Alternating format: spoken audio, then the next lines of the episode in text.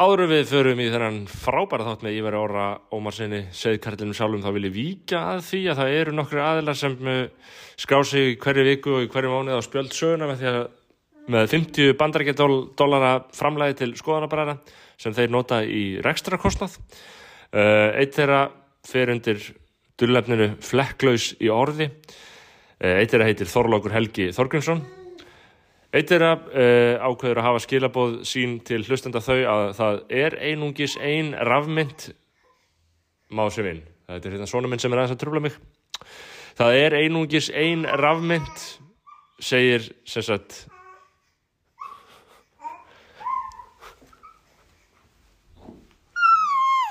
maður sé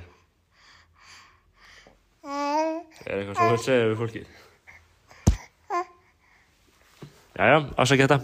Uh, Það er einungis ein rafmynd skrifar þessi maður sem er ómiðstýrð, óriðskoðanleg og í endanlegu magni 21 miljón bitcoin. Það verða aldrei til fleiri. Og þetta er áhugavert og umhugsunavert þetta er rétt, greinilega. Það eru mennir að tala um hennar mun á krypto almennt og bitcoin sko. þetta er ekki það sama. Uh, loks er það Viggo Stefansson sem styrkir okkur um 50 bandar ekki tala mánuði. Á spjölnum sögunar, njótið þáttarins með segðkarlinum og takk kæru stuðnismenn Að bakið um að sé bróðir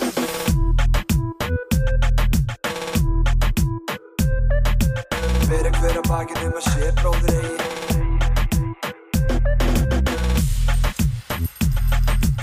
Jæja, þá eru við sestir hérna með segðkarlinu sjálfur, verður velkomin Takk fyrir Þannig að uh, er orka í mönnum í dag eða? Já. Hvað segir þið? Já, Góð orka eða? Er hún ekki alltaf það? Er alltaf góð orka? Flesta daga Já. Það er ekki að ljúga að segja sig alltaf sko. Nei. Nei, hvernig þarna og, og hvar, hvar, þú veist, hvert er orsaka samhengið? Þú veist, hvað, hvenar er hún góð og hvenar er hún ekki góð?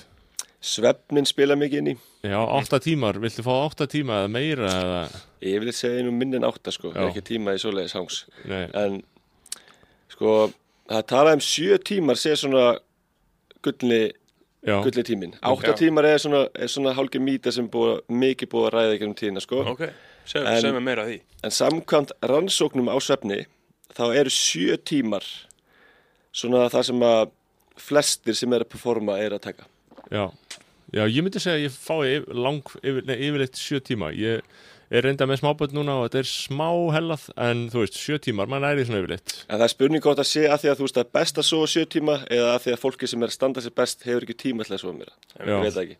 Nei, En það er alltaf mjög góð skýr tenging við sjö tímana og, hérna, og e, árangur. En þannig að þá 9, 10, 11 tímanir er ekkert að gera neitt fyrir það? Lebron James ekki að svo í 12 tíma Ég þóri ekki að fara með það sko. Það eru, Ég, eru sumir oft svona eitthvað íþróttagaurar sem svona bara borða hnetusmjör og mjólk og sofa í myrkja eða miklu myrkri. Ég hef lesið hann í sögur það- Kaltin í það. Já, nei, þú veist, eitthvað svona ef, ef þú vilt bara vaksa geðið mikið þegar þú ert, skilur á ennþá að, að stælka, þú veist, að þá sé það eitthvað dæmi, hnetusmjör og mjólk og fyrir sofa. svefni þá? Já, eða bara hnet, allan að bara borða eins mikið orku og mögulegt er og, og bara stækka og stækka og stækka. Ég veit ekki alveg, það er svolítið áhugast að hugsa út í það sko að því að við erum, og ég veit að þú pælir mi- mikið mataræði, við munum ræða mataræðina og þarna uh, en þú veist, lögmálin er allt önnur þegar menn eru raun- raunverulega að vaksa, ég myndi eitthvað það, þú veist, því núna það sem við erum að díla við, þú veist, ef við bara einhverjum menn á okkar aldrei, gamli kallar er að reyna að taka mataræði sitt í gegn, þú skilu, það, það er alltaf um pæling, en ég myndi að ef að börn sem er að vaksa, er að hugsa, væri að hugsa svona mikið um mataræði, eða væri að hugsa, þarf maður ekki að hugsa um það þá fyrir þau, eða, þú veist,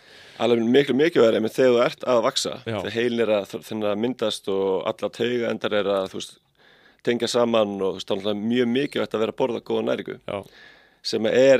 mjög mikilvægt að vera að borða góða næringu. já, sem mjög oft á tíðum ábótavant hjá mörgum fjölskyldum maður sér krakkar hlaupatum með M&M póka og það er ís hverja helgi og, og það eru kökur og það er nammi og það er morgunkotn og það er allir fjandinn. Já, ég var, að- mann einmitt að Gemil var eitthvað mann að skamma mig að byrja að tala um Siriusi, sko, að ég held að hefði byrjað, ég held að þú hefði byrjað herrferðina gegn Siriusinu, ég er mjög mikið á móti Sirius. Og að því að, að, því að eldri strákar nokkar sem fimm ára borða Sirius og ég núna eh, ég er með, með pappa viskubitt yfir þessu að vera, vera með Sirius. Á maður að taka þetta út? Að, að því að síðan fór ég að lesa á umbúðinar þú veist, það virðist bara vera hvað hafrar eða hvað er í Siriusi sko, fyrst, það fyrsta sem maður að gera er að taka, Siriusi taka Siriusi og bomba í ruslið, Já, byrja því. Já, en það sem stendur á sér er náttúrulega, þú veist, hafrar, vítamin þetta, þetta, þetta. Og gömlu pakningana voru líka sko með mynda hjarta, þannig að það var svona heart healthy. Já, og, en það sem er ekki tekið fram er að þetta eru ofur unnir hafrar já, einmitt, það er það sem ég að velta að finna. Hvaða hafrar er þetta? Þetta eru hafrar sem er búið að rækta með náttúrulega mjög mikið að eitri, dæmis hérna, illgressis eitri, miklu eitri og fleira, til dæmis glyphosate. Mhm. Og svo er búið að mala þetta neyri fínt duft og pressa þetta svo í svona lítinn krútlegan ring. Og þegar þú er búin að taka korn eins og til dæmis hafra og, bröð, en, en, og hérna, korn sem er í kveiti og milja svona niður, þá meldist það svo sjúklega hratt. Þetta er ekki lengur hafrar. Nei, líka meðan meldir þetta það hratt að þetta meldist hraðar en hvítu sigur og hækkar blóðsikurinn hraðar en hvítu sigur þannig að þetta er eiginlega bara eins og að borða reyna sigur. eiginlega verra. Já, af því að sko það er eitthvað sem heitir glycemic index eða sigurstuðull sem segir basically bara hversu hratt ákveðin fæðutegund hækkar blóðsigurinn já, hvítu sigur er með 65 séru sem er 74 akkurat, vá, ok. þannig að það hækkar hann hraðar Og, og, er, En- það, og er, er, er- þetta yfirfæranlegt á allan unni mat? eða?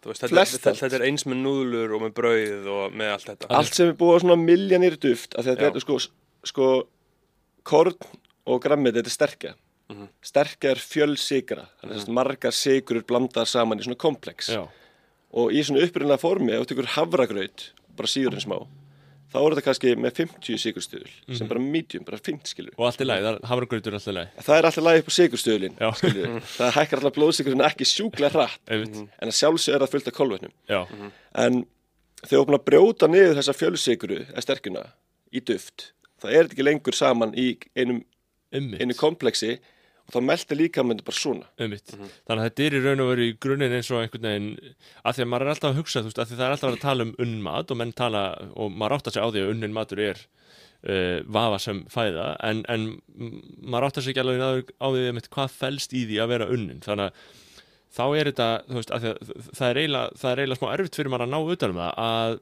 sko í raun og veru að þú segir sama efni, skilur, sem eru hafratnir, en bara einhvern veginn út af einhverju vinslu, þá bara raunverulega breytir þú eðlis eigin leikum þess. já, Já, og svo ekki bara það síðan er öll þessu vítamin sem er í þessu þetta er alltaf viðbætt vítamin já, og þetta er ekki vítamin sem er búið að kreist úr einhver appisínu eitthvað sko.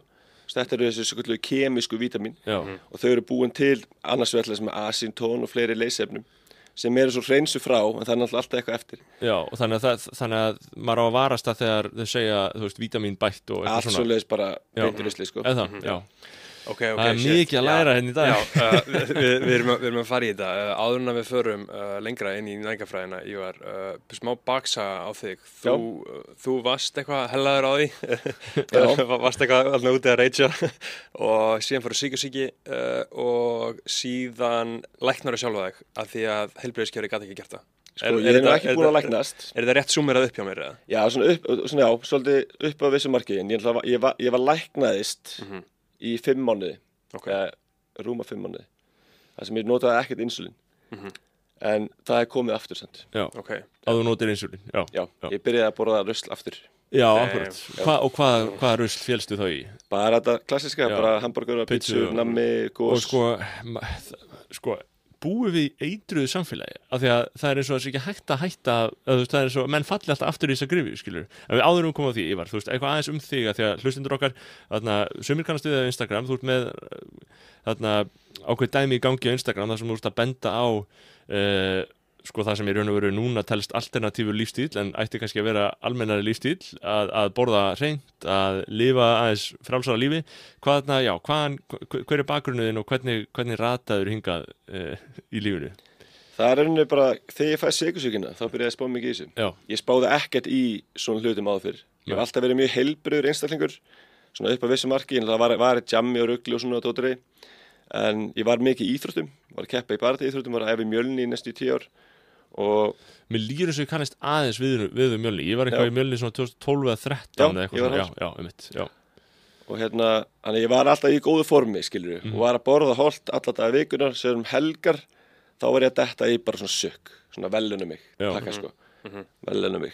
Re refsaðir í raun og veru En og tók svona binds á, það sem ég var kannski bara, þú veist, búin að æfa fulla viku, bara gögg í formi og pantaði með pizzu, pant, tók bland í póka, skilur, tók gós, flögur, allan fjandan og ádeilir bara þannig að fyrir gilt í maðanstundum sko. Ég gerði þetta bara í tíu ár. Já. bara svona næstu ykkur einstu helgi bara ok, nú komur helgi náttúrulega velinu mig skilur Og margir í sko bæði bodybuilding bransanum og líka bara líkansætta bransanum þeir eru með þetta, þetta er þetta cheat day system að, að, að í raun og veru að, að þú borðir holt en takir hann einn dag þar sem þú skemmir allt fyrir þér. Þetta Eða er ertu að gera það? er Er maður að gera það, þú veist? Já, Já, og, og ok, og, það, og þannig að þú þú varst heilbriður en, en já, varst að, að, að svindla var að svindla um helgar og hérna, og svo bara allt einu bara, eins og maður segir out of nowhere, bara fæði sigurski Já. og hérna lýsið þannig, ég byrjaði að vera mjög svona byrjaði að sofa illa, byrjaði að vakna nóttun og pissa fullu ég var síþistur, þannig ég kannski nýbúin að drekka bara lítir af vatni og ég var ennþá með bara bómullar, veist, Já. ég var með bómul upp mér, sko, Einmitt. svo þurr og ég man eitt skeið þurfti að stoppa rauði ljósi, ég þurfti að pissa rauði ljósi sko, bara úti, við bílinn. því gati ekki haldið í mér, það var bara ekki sens Og er þetta þá van, þarna, er þetta vöggaskortur? líka minn sko, að þegar, þegar þú farið sigursíki og þá nærði ekki að losa sigurinn úr blóðinu og þá reynir líka mann að gera allt sem hann getur til að skóla sigurinn út. Þannig að hann dregur allan vökva sem hann getur allstaðar á líkamannum og reynir að flössa þig basically, Já. pissa. Já, einmitt, hann reynir að koma þessu út einhvern veginn. Einmitt og það fyrsta sem gerist er að augbotnarnir þóttnu upp og þú missur sjónuna og það er svona fyrsta svona, svona, svona hérna hömlunu sem á sér stað. Og svo gerir ekkert í, í, í, í framhaldinu sem þú myndir ekkert fara og fá insulin myndir bara halda fram að vera blindur með sig þá missur útlimi, hendur og fætur og deyrð, líffæri Já. gefa sig allt. Já, þannig að þú veist, Sigursíki, hvernig var þetta hérna áður fyrir gamla daga þegar það voru ekki það er bara döðdómur Já, eða það? Já. Og, en var, þá, var fólk þá að fá, ég veit nú ekki hvort að það sé hægt að, eh, ég, ég, kann ekki nú vel á þetta, en þú veist, nummið tvö er áunin sigursíki, eða ekki? Eh, Þú hefur auðvitað sérstakar skoðan að hvernig maður árar þetta allt saman, en, en, en nummið tvö er auðvitað áunin sigursíki, en þú veist, var fólk að fá það í gamla daga? þetta var miklu, miklu sjálfgæðar í gamla dag. Já, að sjálfsög hefur þetta alltaf verið, þú veist, það er alltaf verið sigur og svona. En þe- þetta er sko það er talað um eitt og tvö. Eitt á að vera gena tengt tvö persónulega held ég að þetta sé allt áunni sko. Já. og ég get alveg trúið að sum sem gen sem eru, þú veist, veikari fyrir að fá þetta. En mér finnst, ég trú eiginlega ekki á að þú bara átt að fá okkur sjúkdóm, skilur ég held að þetta sé meira ok, þú gæti fengið hann en lífstillin er að fara þú veist, trigger hann, ert að fara að fá hann eða ekki skilur, út bersk, bers, berskjaldæðri að upplægi en, en síðan bara einhvern veginn veldur, já, allan að allan að þú trúir að hver og eitt beri ábyrð að, að miklu leiti á sínu lífi. Já. Uh, ok, og meira um þennan sjúkdóm sigurskíki, af því að ég veit ekki og, og ég, ég þekki ekki nákvæmlega hvernig þetta virkar eða hvað gerist í svona einföldi máli. Hvað, hvað er að gerast þarna? Sko málega þegar þú ert, og, og hvernig gast þú fengið þetta, að okkur fegst þú þetta skilja já, þegar þú ert heilbriður þá framlegir breyðskirtillin insulín. Það eru frumir sem framlegir insulín þar og þegar þú borðar mat þá hækkar blóðsykurinn og til þess að geta fært blóðsykurinn úr blóðrásinni inn í frumunar sem nýtalega orku að það er insulín að fara hérna eins og, eins og leigubíl sem hendir sykurinnum yfir í frumuna. Já, eða er meira svona eins og kannski Uber og ringir, eða svona símsverðin, ringir og hann sendir eitthvað stað til að sækja, já, sækja sykurinn insulín er einhver mótætna bóð einhver, Já. svona, já, einhver bóð, já. Og þegar þú ert með sigursíki þá annarkot ert að framlega of lítið eða þá að þú ert ekki framlega neitt. Mm. eða þá að ónæmiskerfið ræðist á frumunar og það er rauninni sigursíki 1 þannig að sigursíki 1 þá er rauninni ónæmiskerfið búið að eigðilegja insulinfrumunar Mhm. og þannig að ég framlega ekkert insulin þá þarf ég að sprauta mig sjálfur. Og heilbri manneska er bara með svona innbyggt, innbyggða reiknivél. Þannig að þú tekur bita af pítsusneið og ert að tyggja og kingir um leið og kingir þá kemur ok, við þurfum svona mikið insulín. Það fyrir að staða, taka móti. Já, og yfirleitt er þetta frekar nákvæmt. Stundum getur líka minn yfirskotið. Þá fara menn stundum í sigufall og svona finnst þeir þurfa að fá gosi eða nammi stundum. Margir fá það. Það er að segja að þá er verið að nota ómikið insulíni að þetta verið að bregðast við öllum þessum sigri og Já. þá þurfa það meiri sigur Já. til þess að fara mótið öllu þessu insulín sem var búið til. Já. einmitt. flestir einhver tíman um æfina fá svona sigufall og það er yfirleitt að þú ert að borða mikið kólunum þannig að líka bara í yfirskýtur. En ég þarf að reyna að reikna það sjálfur. Þannig að ég fæ mig bita pítsu kingi, þá þarf ég að segja ok, ég þarf svona mikið ég þarf bara að sprauta mig fyrir því sem ég borða. Mhm. og ef við sprautum á mikið þá bara líður ég á í deg Mhm. en ef við sprautum á lítið þá gerist þessi skaði fyrir augun og allt svona þannig að þú ert að halda þér innan ákveðna marka Þannig að þetta er svona stansleisur útreikningar, stansleisur sprautur. Já, þarna eru uh, hugsaður eftir á þarna fólk veit ekki, veit ekki hvað það hefur að gott að vera ekki haldið þessu Já, þetta er, þetta er basl sko. Já, En en það er Ég- alveg hægt að lifa með þessu eða þess að- ég, já. bara, ég lít þannig á lífið bara það er allt, þú veist, það er, þú getur lært af öllu og maður bara nýta allt sem þú getur. Og þetta rauninni gerði mig helbriðir en ég hef noktið um verið á æfinni. Ég hef aldrei borðað jafn holt, ég hef aldrei hugsað mig vel um heilsuna, ég hef aldrei verið on, jafn mikið um point með sjálfum mig og ég er núna. Og það gerðist að því ég fekk sigursiki. Ég var ekkert að spá í þessu fyrir, sko. Einmitt, einmitt Þannig að þetta er svona blessing and a curse, eins og maður segir. Já. Einmitt. Og þú læknaði sjálf þannig í fimm mánuði. Í fimm mánuði þá, Með já, hverju? ég bara fór í, sem sagt, þarna var ég búin að vera svolítið miklu ruggli, ég fór í meðferð eh, á vók og hérna, og kem þaðan út bara heldur flottur og byrja að borða bara rosalega holt. Ég fór í hérna öndunar kennslu hjá gæja sem heitir Nikolai sem er svona búin að vera að hjálpa fólki í alls konar hérna, stöðum. Og byrja að gera þessu öndunar eitthvað bara með einasta degi í einhvern svona þrjá mánuði. Borða ógeðslega holt Já, og svo bara einn daginn allt einu bara þurfti ekki insulin í smástund og telur þú að öndunaræfingar geti þú veist, einmitt spilað inn í sigursíkis ég, ég þóri ekki að setja putan á þar en þetta allan að Það- hvað það sem verður- ég var að gera Það það verður þátturinn virkaði tekin út fyrir upp- upplýsingaórið Uh, en, en, en fannst þér þá uh, með þessu, varstu basically, hvernig fannst þér þetta svona einsæðislega? Fannst þér uh, líkamlegin bara vera einhvern veginn að læra á sjálf sig og taka þetta shit út? ég spáði Líka ekki í því, ég var ekki svona að reyna að lækna því þegar þetta gerist. Ég var bara eitthvað, þú veist, ok, ég er komið sigur sigi Mm. og þú veist, ég nú þegar ég hætti sér ruggli ég þarf að taka mig áskilur og bara fóð bara að gera allt rétt. Mhm. og hérna tók mig bara alveg í gegn. Mhm. og svo þannig að 5-6 mánuðum setna þá er ég svona, ok ekki múndan insulin í 5 mánuði Já, komin í höfn, þetta er, þetta er farið skilur Já. fór að byrja bara að rusla aftur. Já, svo bara tveim ykkur setna bara sigurum minn.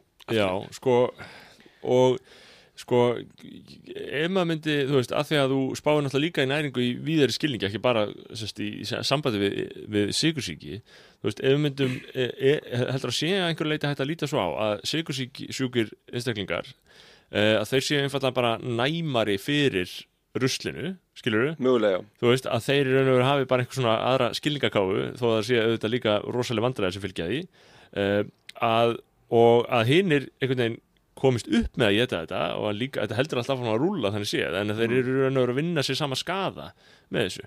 Mér, það er svo erfitt að byrja að borða almennilega holt að því að áhrifin kom ekki fram strax, skilur þetta tekur tíma og þetta er svona sem consistency þú ætti að gera þetta hverjum eins að degi langan tíma. En svo er náttúrulega sigur sig ekkert eini eina, eina hættan við þetta. Nei. bara þú veist að borða á mikið af kólvetnum ge- getur haft í för með sér alls konar sjúkdóma. Það er ekki bara sigursíki, sigursíki er náttúrulega eina af mestu. Svo er náttúrulega krabba megin, það eru hjartaæðasjúkdómar það er Alzheimer's það er alls konar og núna nýjustu rannsóknir á Alzheimer's er mynd sína það að þeir eru byrjað að kalla Alzheimer's sigursíki 3 Já, það, það er ekki orðið svona official það er, svona, það er verið svona, það er svona á upplið það, það hugtak. Já, vegna þess að samkvæmt uh, rannsóknum á heilum á fólki með Alzheimer's eru þau öll með hérna, insulin viðnám í heilanum. Og insulin viðnám er raunin svona forbóði sigursíkis að sem sagt, líka meginn byrja að veita viðnám gegn insulini þannig að þú ert að borða svo mikið að sigri það fara svo mikið insulin oft að líka svona vera resistant um mitt bara eins og við, við eins og við kannski síkla lifi með eitthvað Já, bara læra, læra að verjast í Já, og þá þarftu alltaf meira og meira insulín. Þannig að Já. segjum til að þú sem búin að borða sökk í tíu ár. Og núna þarf þú, byrju, hvað fyrir ekki, byrjum með þetta byrjunni. Byrja kannski að þú ert helbyrður og þú borðar eitt sökumóla og líka með setur eina eining á móti einu sökumóla. Ok, svo gerur þetta í tíu ár. Eftir tíu ár þarf líka með kannski þrjár einingar sökumóla. Já, Og svo kannski aðeins lengur, kannski fjórar og svo fimm.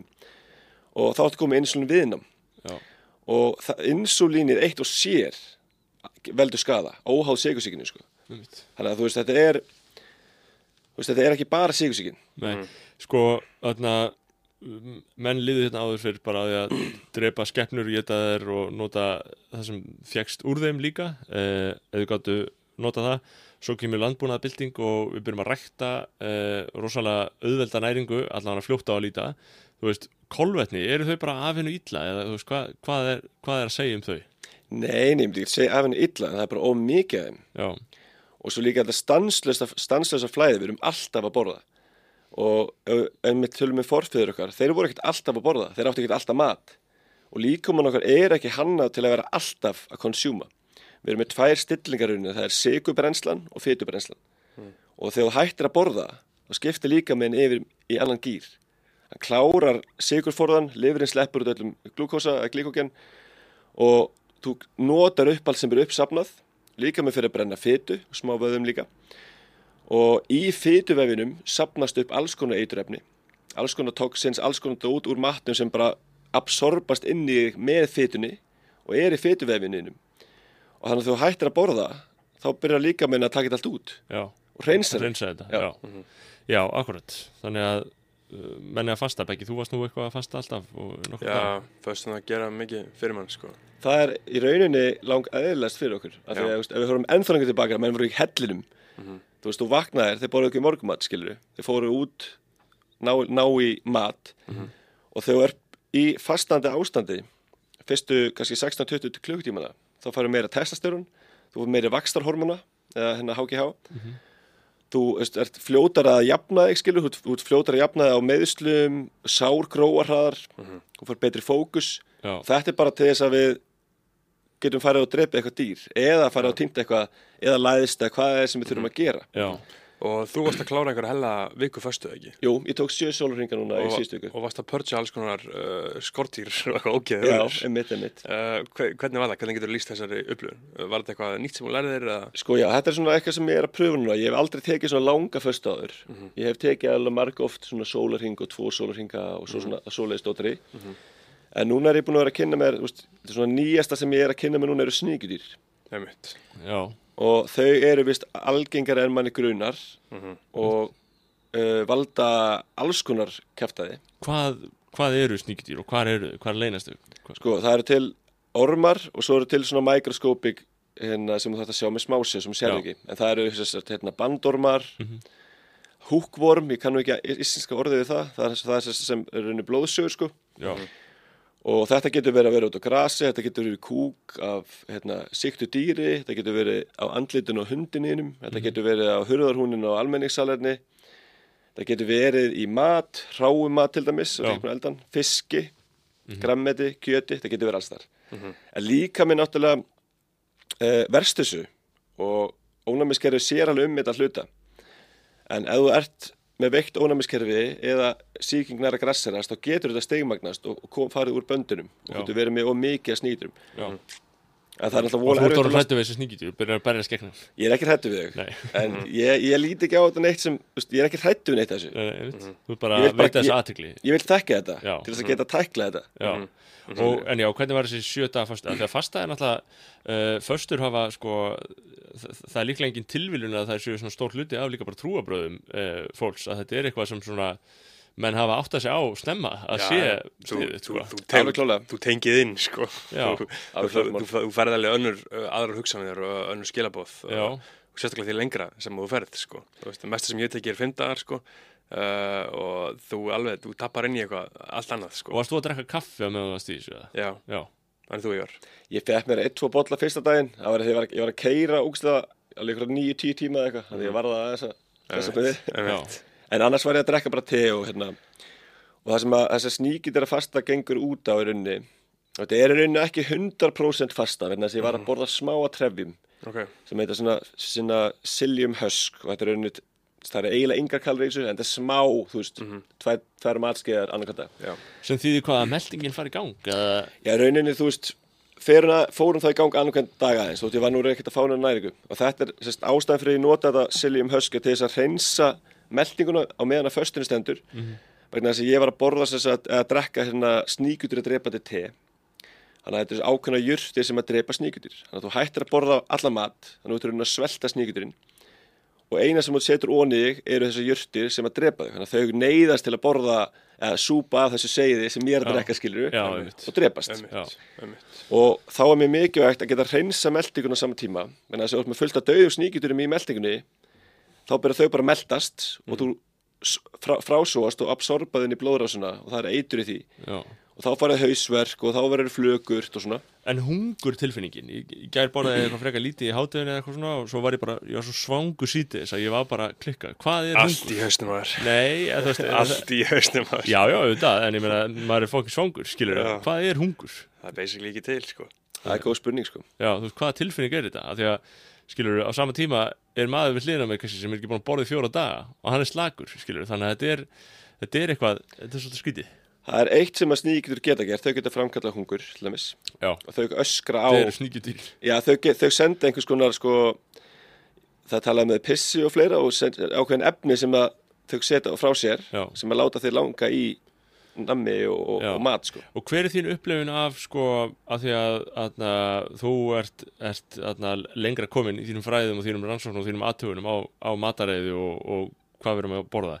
Hvernig finnst þér svona, ég býst við að þú hafur ekki mikla mætur á opinberi nálgun í þessu og, og bara stjórnvöldum almennt þegar þau nálgast þessi fræði. Hvernig finnst þér samfélagi hildsinni vera á þessu sviði? Mér finnst þetta að vera komið á sold, soldnar villigötur, finnst mér. Þetta er orðið svona, þú veist, það er búið dímonæsa eða þú veist, hérna, eins og alveg kjöt og dýraafurur. Að það séu orðnar bara djöfullinu uppmálaður Já. sem ég er alls ekki sammála, sko. Nei, og sko, ef við förum að það, hvað, af hverju, hvernig komast menna þeirri niðurstöðu og ég var að hugsa hvort það væri eitthvað samsæri til þess að láta fólki bara, bara borða ódýran mat, skilur, og, og láta það sætta sig við hitt, skilur. Það liggur við að maður grunni það, sko. það verðist alveg að vera mjög mikil orka að vera sett í það að, að hérna, gera, að láta fólk ekki borða þetta, sko. Nei, Það er alveg hreinu. Og eins og rannsóna sem er að koma frá Harvard núna um daginn með hérna, að borða kjöt tveisar viku þá eigur það líkur og sigur sig í tvö. Mm. Og svo skoður rannsóna og skoður hvað að flokka sem kjöt í rannsóknni. Þá er það bara allt sem er með kjöti. já, Hamborgari, Mhm. lasagna, einmitt. samloka á söpvi, þú veist, allt. Það var ekki Já. bara kjöt, Einmitt, einmitt. Uh, þetta leiður okkur inn í þessar rannsóknir og næringafræði sem er uh, erfið mýri að vaða sko. Næringafræði þannig sé ekki til uh, þú veist, þetta er allt bara eitthvað einhver að segja eitthvað uh, maður sér þetta frá alveg lífum sinni, maður þekkir einhvern sem er karnivór, hún líður vel maður þekkir einhvern sem er vegan, hún líður vel maður þekkir einhvern sem borða bara fisk og mm. íslenskan venlega mat, hún líður vel uh, hvernig horfir þú á bara næringafræði sem konsept og hvernig að þetta er svo ótrúlega villandi og erfitt fyrir venjulega mannesku að fóta sig í þessu og sjá nákvæmlega hvað er rétt uh, og einhvern veginn, maður veit að hver og einn þarf að prófa þetta á eigin skinni en það er erfitt fyrir uh, venjulegt fólk sem vil borða úti og uh, fá sér serrano eða ísæskirbar eða eitthvað svolítið sem á að vera holdt en er kannski með einhverjum ormum og, og repjóli í, skilur hvernig uh, horfir þú á næringafræði fyrir venjulega mannesku sem er langa til að líða vel en veit ekki hvað hann á að byrja? Mjög góð spurning. Um, sko, við erum náttúrulega öll mismunandi, þótt að séum öll voru lík. Við erum með mismunandi blóðflokka, við erum mismunandi uppruna, flestir íslíkar kannski erum með svipan uppruna, það er fullt af fólki sem kemur frá öðrum heimshornum. Og ef að þú ert hérna, í blóðflokki A og ég er í A eða eitthvað, þá get ég ekki gefið blóðinu sinni, sko. Nei, ég veit Þannig að við erum ekki alveg 100% eins, þannig að það er ekki hægt að segja bara eitthvað eitt virka fyrir alla. Og það sem mér finnst mikilvægast er að borða hreint. Og manni getur liðið vel á nánast hvaða mataræði sem er svo lengi sem það er klín og það er ekki unnin matur. og þá meina ég bara eitthvað með einu innihaldsefni. Og ef við tökum til dæmis kjöt, unni kjöt eins og pulsur og svona dótaræði sem er með þess að nýtursöltum, rótordanefnum, litarefnum drasli, það er ekki gott.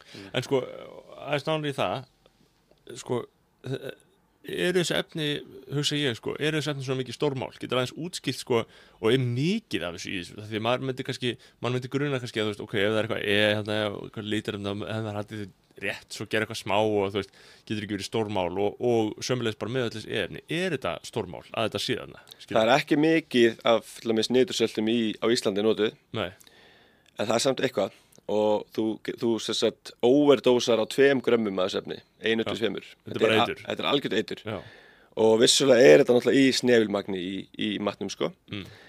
En ég er eiginlega vissum að þetta sé ekki að gera neinum greiða. Og rannsóknir til dæmis á, á reistilkrabbameinum og krabbameinum almennt á unnum kjötvörum koma mjög mikið af unnum kjötvörum með svona efnum í. Það var ekki gerð sér, sér rannsókn til dæmis pulsur án efna nei, versus pulsur með efnum. þetta er alltaf í einhverju bland, blandi. Þannig að það er vola erfitt að segja kannski for sure, skilur það svona með vissu hvað það er. En þetta klálega hefur slæm áhrif á meldinguna, það er alveg hreinu. Já, það er það að segja, þú veist, maður á að taka þetta alvarlega því ég, ég, svo, ég, ég, ég tilhengjast að gera lítið úr, þú veist, pulsa, ég, ég hugsa þetta er nú að uppistöðu kjöt, skilur Mhm. hitt er bara eitthvað svona smá auka, skilur en, en þið finnst ekki að maður eigi að, að er nú nálgast þann, þannig? Ég sleppi svo alveg, Já, bara ég læt ekki, sjá þetta sko. og hérna, en eins og vorum að segja með hérna, um mataræðis þess að fyrir fólk já, þá sem sagt veist, og svo tökum við grammetið við tökum mm. kjötið okkar, unnar pulsur eða unnið dót með efnum, svo tökum við hérna Beyond Meat sem er svona gerfi kjöt Já. það er þetta komið unnin veganmat það er ekki gott heldur. Nei, frekar að fara að kaupa þér sveppi, gúrkur, paprika, hvað er búið til þitt eigið buff, skilur þá er komið hreinar mat. Mm. þannig að ég er alveg þeirra skoðunar að veist, öll þessi matræði geta virkað. Að það sé ekkit endilega eitthvað eitt. Og fólk þarf eiginlega bara að pröfa sig áfram. Og það er alveg það sem við erum orðið svo lélegi í er að þekka líka um okkar og finna hvað virkar fyrir okkur. Mm. að þegar við erum að borða svo marga mismöndi fæðiflúka það er engilega að bera kennsla á hvað er að og, og já, það er einleg. Já, þetta er sama og gert þegar þú fyrir dýrlæknis með hundin og hann er Já. veikur. Taka Spyr- hann spyr hvað er hundurinn að borða? Ok, takt hann af matnum já, og geða honum kannski til dæmis, geða honum bara kjúklingur hískurinn í þrjár vikur, ekkert annað. Og kottu svo aftur með matinn og geða honum hann og sáðu hvað gerist þá. Af því að þau búin að, þetta kallast elimination diet tekur allt út og segjum til dæmis að ég var með meldingatröflanir, ég er búin að vera kannski með niðurgang, eða erfitt með hægðir eða eitthvað bara, eitthvað að bögga mig og ég er svona ekki alveg að fatta hvað það er. Og ég er að borða brauð, ég er að borða kjöt, ég er að borða græmiti, ég er að borða þetta og heitt og heitt, alls konar nammi og ís og eitthvað. Og veit ekki hvað það er. Teki allt út. Borða bara eitthvað eitt í kannski heila viku eða jafnvel lengur. Og svo prófið að setja inn brauð. Þá finnur þú strax já, hvað Jep. gerist, Einmitt. bara um leið. Og þá fattur ok, og færi maðan að brauðinu ok, ekki brauð, svo prófur að bæta inn einhverju öðru. Já, útilokunar aðferð En málið það, þegar ég segi, segi það við fólk, þau alveg bara, wow, þarf ég að borða eitthvað eitt í heila viku. Og mér er svo, mér er svo mikil vittleysa þegar þú veist, líf, fólk er ekki tilbúið að, að borða eitthvað eitt í eina viku fyrir betri lífskeiði, nei, fyrir betri hilsu. Þú veist bara alveg ómulegt að hugsa til þess að þurfa að borða eitthvað eitt bara í eina viku, þess að það bara stvíli kvöl og pína til þess að lækna sig. Miklu meira næst að fá bara eitthvað pilli og, og halda áfram. Já, þetta meikar einhver sens fólk er svo við erum svo disconnected, við erum svo aftengd okkur sjálfum og líkamannum okkar. En þetta er ástæðan fyrir til dæmis að e, gamla kynnslóðin við horfum til dæmis á plöntufæði við tökum til dæmis hnetur, bönir þetta var alltaf lagt í bleiti þetta var alltaf spírað þetta var súrsað, það var gert eitthvað við þetta þannig að þetta meldist betur hnetur fara ekkert vel í alla sko. Sum fá bara vingang á hnetum. Já. og það er vegna þess að það eru varnarefni í öllum plöntum ákveðið skordýra eitur sem að plantan býr til. Af því hún vill ekki að pöttun að borða sig. Og þetta dreipur okkur ekkert en þetta gefur mjög mikið að fólki melkatröflinir sem getur haft alls konar áhrif. Og hjálpar hann ekki til bleiti, eða? það en að vann uh, hvað sem maður, það diffjúsar sem Það, það bara aftengir aftengi þessi, eða sest, já, bara nullar þessi efni í rauninni út. Já, og tekur til þess möndul þetta liggja í bleiti í 36 klukkustundir svo þurrkar það er, það er aftur hann krispi og flottar. Já, þá ertu ekki með neitt að stress lengur í eða nánast engu. Einmitt. Sama með havra, havra er að halda alls konar hérna, phytic acid, oxalates og svona. Lætur að liggja í bleiti við nótt, eða overnight oats Já. hellir svo vatnin af, þá ertu komið meil hlutan úr. Já, ok, þannig að já, þetta er einhver, þetta er einhver aðferð að, að, að, að, því að, að því að ég talaði við mann um daginn sem er bara, var bara bara kjöt og hann hafði mitt aðna, þú veist, við vorum að tala um græmmiti í þessu samviki og hann var náttúrulega að segja að í grunninn náttúrulega hefur allt græmmiti ákveðna uh, sem, sem lífvera hefur náttúrulega ákveðna viðlitni til þess að vera ekki borðað skilur, þú veist, þannig að það mun það eru einhverjar varnir í því, þannig að græmmiti vill ekki vera borðað. Uh, kjöt, þar að segja dýrin vilja heldur náttúrulega ekki vera borðuð en þau nota aðra aðferði, þau flýja, skilur en græmmiti bara eitrar sig, skilur það er náttúrulega málið. Þannig að þú veist, gamla kynnslóðin þau vissu þetta einhvern veginn Já. þau voru ekki með neina Já, smásjá. þau voru ekki með neina tölfur Nei. þau voru bara tengd, tengd líkamannum Akkurat. þau vissu þetta bara. Já, þau borðuðu bara hnetu hérna, sem er ekki með lögum bleiti og svona ok, hm, spes. Já, og til dæmis það sem að möndlur vaksa viltar eins og til dæmis í just, Armeni og fleiri löndum það er það flysjar. Já, að taka hýðið af að þetta er mest í hýðinu. Já, ég get alveg séð það fyrir mér að þetta hýði sé ekkert sérlega meltanlegt á þessum möndlum sko. Ég er alltaf ofta að hafa mig með möndlur Þetta er ekki einhvern veginn alveg þeir fjallaðu hýðið. Já, að þeir vita, að þeir, mm það veit ekki svona af hverju þeir bara vita, Já. þeir gera það bara. Þann, þannig að leiðin uh, fyrir venjulega mannesku er að taka via negatíva uh, elimination diet. Taka þetta Já. út og þar að leiðandi kynna kynnast kynnast eigin líkama.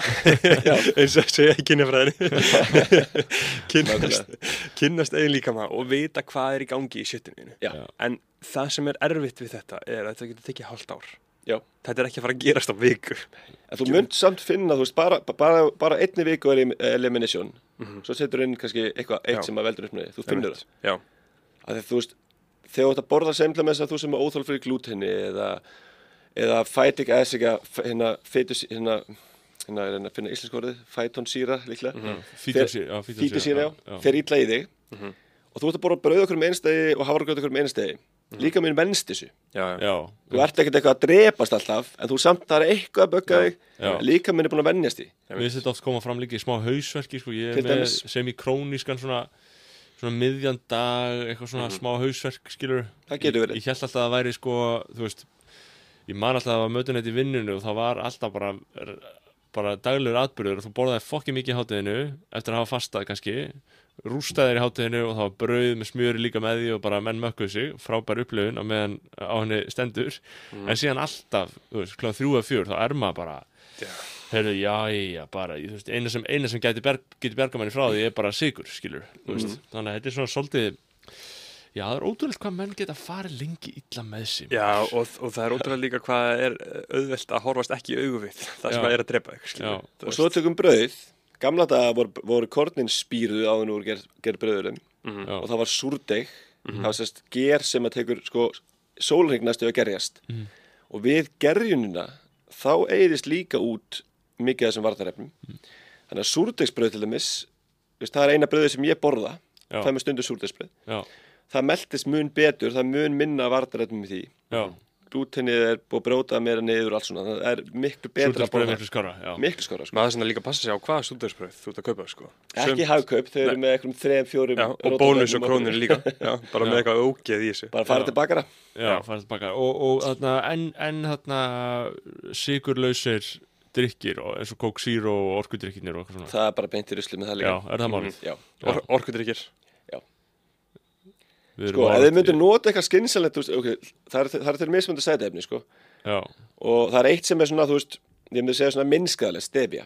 Já, það er samt ekki fullkomið sko. það vel getur valdið smá meldingatröflum já, það er að gera samt- sultu með því og Já, en það er samt svona það er alltaf engar rannsókn sem sína eitthvað mjög slemt en svo erum við að tala um til dæmis eins og hérna, aspartam súkralósa nei, hérna, jú, súkralósa Já, þessi tveir bara eru big time þú veist, það er búið að sína fram á það þetta er bara alls ekki gott. Nei, og sérstaklega súkralósi núna er núna í Sviðsljósinu það er að koma nýja rannsóknum með hann. Og það er búið að koma í ljós að sko bara einn drikkur á dag með súkralósa sem er þá Nocco, Collab Monster, eiginlega allir þessi görar er nóg til að valda frumuskaða eða DNA skaða í líkamannum já, og í starri skömmtum veldur krabbamenni já, drepur magaflóruna sem er góðu já. gerðlanir í Einmitt. Veikir þar vantalega þar að leiðandi ónæmiskerfi líka. Það finnir þess að magaflórun er beintengd í ónæmiskerfið. Og í rauninni er eins og svona stýrimenn þeir rauninni vinna í ónæmiskerfinu bara mm ít á takka og svona þótt já, og við erum að sulla hann í okkur drasli sem að bara drepur það já. Þannig að það er mikilvægt að átta sig á þessu. ég myndi freka borða eða drekka gós með sigri, Já, persónulega. Það er einmitt það, er einmitt það sem maður hefur heyrt að, að það sé Allan, þú veist allan að hvað sigurinn er, eða þú veist. Já, en náttúrulega best að sleppa þessu bara alveg. Já. og þú veist, ef þú tekur til mis ég held að það hafi verið Mountain Dew núna um daginn var ég að lesa. Á gaur sem, að, sem sagt, hérna, var að kvarta í Mountain Dew, var hann að kæra það og sagði að það hafi verið mús inn í dósinni. Og hann sagði ég kefti þessu dósina fyrir mánuð síðan Já. og það er heil mús inn í henni. Új, Já. og þessi, það getur ekki verið mús leysist upp á tveim vikum Mountain Dew alveg, já. Er svo. pæli því og við erum að drekka þetta Maður veit ekki hvort það er verra, sko, maður bara, heyru, ok, já, hvort hefði þið viljað að vera mús eða ekki, það var sko. alltaf ekki tekið eftir því. Nei, En pældi í hvað er stert, þetta er leysefni líka við. Já. Þú veist, fólk, þú getur notað Coca-Cola þegar hensa klósettið þitt og þú getur notað, þú veist, Já, menn nota þetta í Indlandi til að spara sem pöttu já, Einmitt. Uh, og ef við, meina, við setjum þetta í, í starra samingi, ég meina, fólki okkar er veikt, já. Uh, við erum öll veik, skilur, það er bara, það eru mikil veikindi í samfélaginu, skilur, já við, við, það er, það- við erum ekki öll, en það eru veist- það er, það er útbreytt veikindi. já, það er mjög erfitt að finna bara, já, þetta er heilbröður einstaklingur. svo er andli vengindi, það er margir með þau. Já, og svo náttúrulega helst þetta í hendur, Já. þú veist, skilur Þú veist, það, það, það, bara, það eru útbreytt veikindi allstað, Og flest, margir, öllu á, sviðum. margir á geðlifum og margir á amfetamíni er og ekki Ísland með heimsmet í þunglinslíðunum ég, ég held að það sé allan að ansi minna sama árið vorum við topp þrýr ánæðastu þjóður í heimi þá vorum við fyrsta sæti með þunglinslíf Ég veit ekki hvað, hvaða mæli hvað það er í gangi með þessu hafingisamasti Nei, þjóðir ég er aldrei spurður allan sko.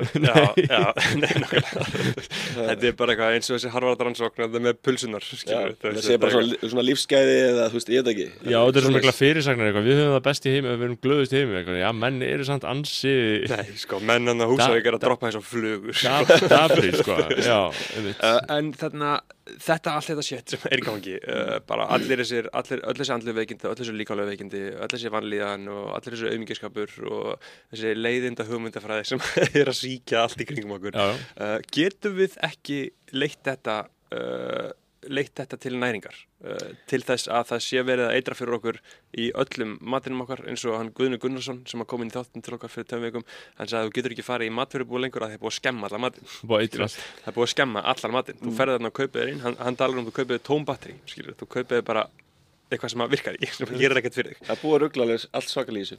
Og ég meina, er, er þetta grunnurinn að öllum vandabálum heimsins, þessi næringa? Sko, það er náttúrulega erfitt erfitt að setja puttan á það sko en ég get hann sagt fyrir minn, mínar sakir að eftir að ég byrjaði að borða 100% clean þá breytist allt fyrir mig sko. Já. bæði andlega og líkamlega. Og til dæmis and, hérna, andlega kvillar eru beintengdir í maðan líka. Mm -hmm.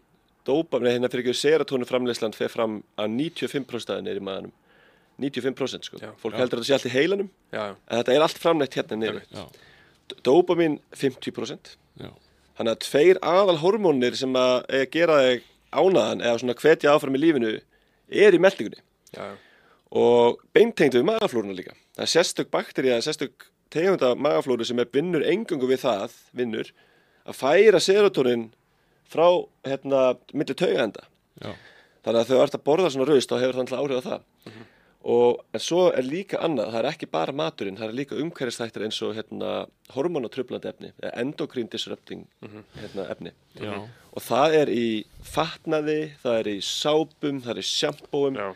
það er í rakspýra, það er í svitalettar eiði, það er í make-upi, málingadóti á stelpum, Leik, Þetta- leikfengum hjá börnum leikfengum hjá börnum, þetta er í í í gerfi efni, málingu, í málingu og litarefnum og öllu svona þetta, ég, og það var þáttur um þetta í kveik hérna, á sín tíma Mm. uh, og það var sláandi að þeir notuðu eitthvað sem endokrín uh, trublurum, það er að segja hormóna trublurum sem í raun og veru stöðva ég get ekki alveg útskilt hvernig þetta er en í raun og veru þú veist, í grunninn ef þú fær ómikið af hormóna trublandi efnum þá náttúrulega hættir frjósemi líkamæðins að virka, skilur að þetta trublar þau hormón.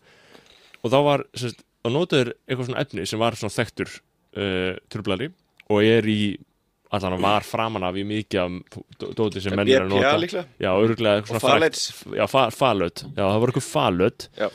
Og svo settu þið á snigla og sniglarnir breytt um kyn.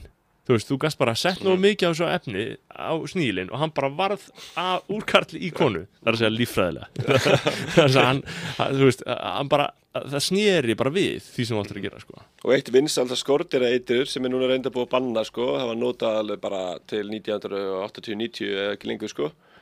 Maður nú ekki nákvæmlega hvað heitir en þetta er mitt líka með, það var gert tilhörn á froskum. Já, ég sé, sé, sé, Alex Jones tala um þetta er making the frogs gay. Þetta er alveg rannsók og, Það rétt hjá honum. og settu þeir sem sagt hérna uh, sko minna Já. magn en það var í drikkjavatninu á þeim tíma í bandaríkinum minna Já. concentration og frjóskan er bara syndi í þessu vatni. Já, og þeir breyttu allir um kynkvöld einmitt, hættu að vilja að stunda kynlíf basically með gagstæðu kyni sko. já Vá, þessi efni geta verið rosalega sterk. en Þessi það eru phthalates ros- og BPA sem eru svona, myndi ég segja svona algengust núna að það er í plastfatnaðinum nælon, polyester Já. flís, þetta er allt plast. Svo eins og Hvernig, dótið hva, hvað er eiginlega í gangi? Akkur við að búa alltaf þetta drast til? Sko, þetta byrjaði þegar við ætlum að bjarga frumskóunum með að hætta að nota pappír. Já, þá kom allt plasti í staðinn til að bjarga öllu. já, Þú veist, þá svona hættum að nota tré til að búa til skeiðar og, og drasl og já. notum plastfrekar, skilur við Þetta er rosalega svona, þetta er rosalega auð unnið efni og rosalega ódýrt og svona líka. Já, þetta er bara úrgangur í rauninni, skilur við og þú veist, en núna er enda búið að gera alltaf með faleirs ólulegi mörgum löndum en þetta er samt erfitt ofta að ná þessu úr. Þetta er í, þú veist, umbúða plasti og svona, já, þú veist, póka allt fljótandi plast. Og- já, og líka í kvittunum út í búð. Já, það er BPA í þeim maður þetta fara með svona bara geislaverka hanska.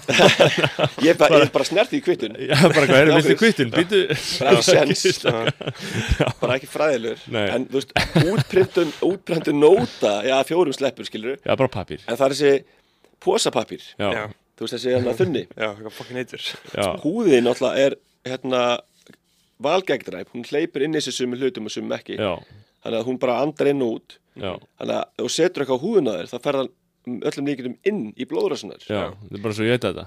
í rauninni. Já, nei og þetta er náttúrulega, já, sko, eh, ok, við erum með fæðina, við erum með hormónu trublarana já, eh, og svo erum við með, já, getum við sagt, svona einhvers konar, um, og hversu svo sem mikið sem það tengist þessum tveimum þáttum, þá erum við með svona báborið hugmyndafræðilegt ástand á meðal fólksins, skilur þú veist, þarna, og það, það, það, það verið að ham, hampa alls konar hlutum Nei að, og eða, eða sko eða í raun og veru alltaf í staðin fyrir að alltaf í staðin fyrir að hugsa skilur hvernig get ég borðið ábyrgð þá er það alltaf hvernig get ég skellt er ábyrðinni að á einhvern annan skilur Mhm. og hvernig hefur svona þín hugmyndafræðilega uppljómun að einhver leiti verið í tengslu við til þess bara að því þú varst að segja ég meina þú Þú varst í bardaði þróttum en, en þú varst líka í einhverju nestlu og þurftur að takast á við það og breyta alveg um lífstil og svo veiktistu og hefur líka þetta breyta lífstil í tengslu við það. Hefur ekki, hefur ekki breyst mjög mikið sem bara hvernig, hvernig þú lítur á heiminn? alveg klálega Já, og þú veist í COVID þá svona, það small eitthvað í mér sko veist, ég hef aldrei, veist, ég hef oft haft gaman að samsæðiskenningum og svona, en, en ég hef aldrei verið eitthvað svona eitthvað svona invested sko nei, Já. en í COVID þá alveg svona já. klikkaðist ég sko. Svona fekk ég bara svona ok, það er eitthvað eitthvað fissi í gangina sko. Já, meðan aðri fengur sér bólöfni þá fengstu þér eina svarta pillu. Já, Já, nákvæmlega. Og, og hvað og, og, og svona, en ég meina það, það er heldur aldrei, það er heldur ekkert eitthvað kannski, það getur verið svolítið það getur verið svolítið við tölum nú um Guðuna Gunnarsen daginn, sko, það getur verið svolítið viðnám í því að vera, þú veist, að líta á allt sem þú veist, e, skilur, e, að einhversu illindi séu, það er ekki meira bara eitthvað kerfi sem er að verki eða einhvers konar og líka einhver, eitthvað fólk líka auðvitað ég heldur að sé bland sko, ég er Já. ekki viss um að sé endilega einhver einn guður efst sko, Nei. eitthvað hennar Nei. ég held að sé mikið bara, þú veist, hvernig kerfið er uppsett og hvernig sérstaklega hérna rekstra umhverfið er, og það er bara gróði. Og fyrirtæki gera bara alla græða, og þá á ósjálfrátt byrja menn að nota BPA og Já, og fara eitthvað shortcuts og kannski ekkit endilega viljandi, skilju kannski var ekki eitthvað að reyna að drepa neitt eða að reyna að gera eitthvað. Nei, nei, Pfizer var kannski ekkit endilega að reyna að, skaða neitt nei, nei, en þeir fengu bara að færa á að gera þetta. Já, og sem fyrirtæki sem er að reyna að græða pening þá náttúrulega stökkvað er á það sko. Nei og svo, og svo náttúrulega eru dæmi um það bara eins og með e, eins og með bara Purdue Pharma þar sem að þeir vissu alveg að, að, að þessir ópjóðar væru e, lífsskemmandi fyrir þann sem ánætiðaðist þeim.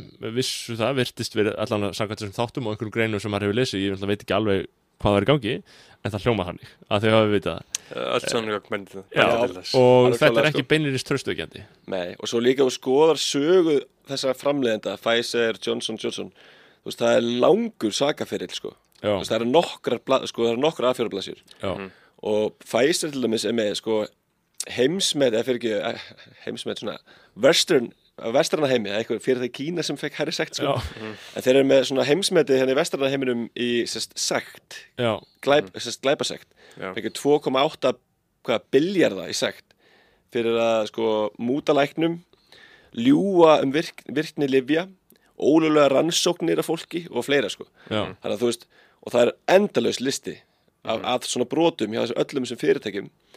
En eins og kerfið er í bandrækjunum og það komið aftur á svona hvernig rekstur umhverfið er ef þú getur borga pening þá sleppur við fangilsið eða sleppust, þú borgar bara sektina. Já, já, og svo halda það bara áfram að, að framlega og þessi sekt er bara eitthvað sem er græða svo bara fyrir hádegi daginn eftir og þeim er alveg sama. Já, já. það er svona að halda það bara áfram að gera svona hluti. Og hvernig þarna, þarna og og hvernig finnst þér og líka ekki kannski bara í tengslu við þetta heldur bara almennt svona, hvernig, hvernig upplifur þú að og hver, hver, er, einmitt þessi sín sem þú fjekkst þarna á þessum tíma á bara hvernig hugsunarháttur er í samfélaginu Eitthvað svona hjarðhæðun Já, mér fannst það, veist, ég byrjaði hann að skoða allt Já. og ákvað bara, ok, nú ætla ég bara að rannsaka allt sjálfur, skilur, Já. sem ég set onni mig og sem er, sem er í gangi, skilur, ég ætla ekki að taka neinu bara sem sjálfsögum hlut Nei, og mér veist að mjög, einmitt, allir gleipa við öllum upplýsingum sem koma og sem er svolítið slæmt, að það er alltaf að breytast. Þú Já. veist, að eins og tóum við hérna fytu hérna áraðurinn á sín tíma. Allt er nú að fyta bara óhaldast í heimi.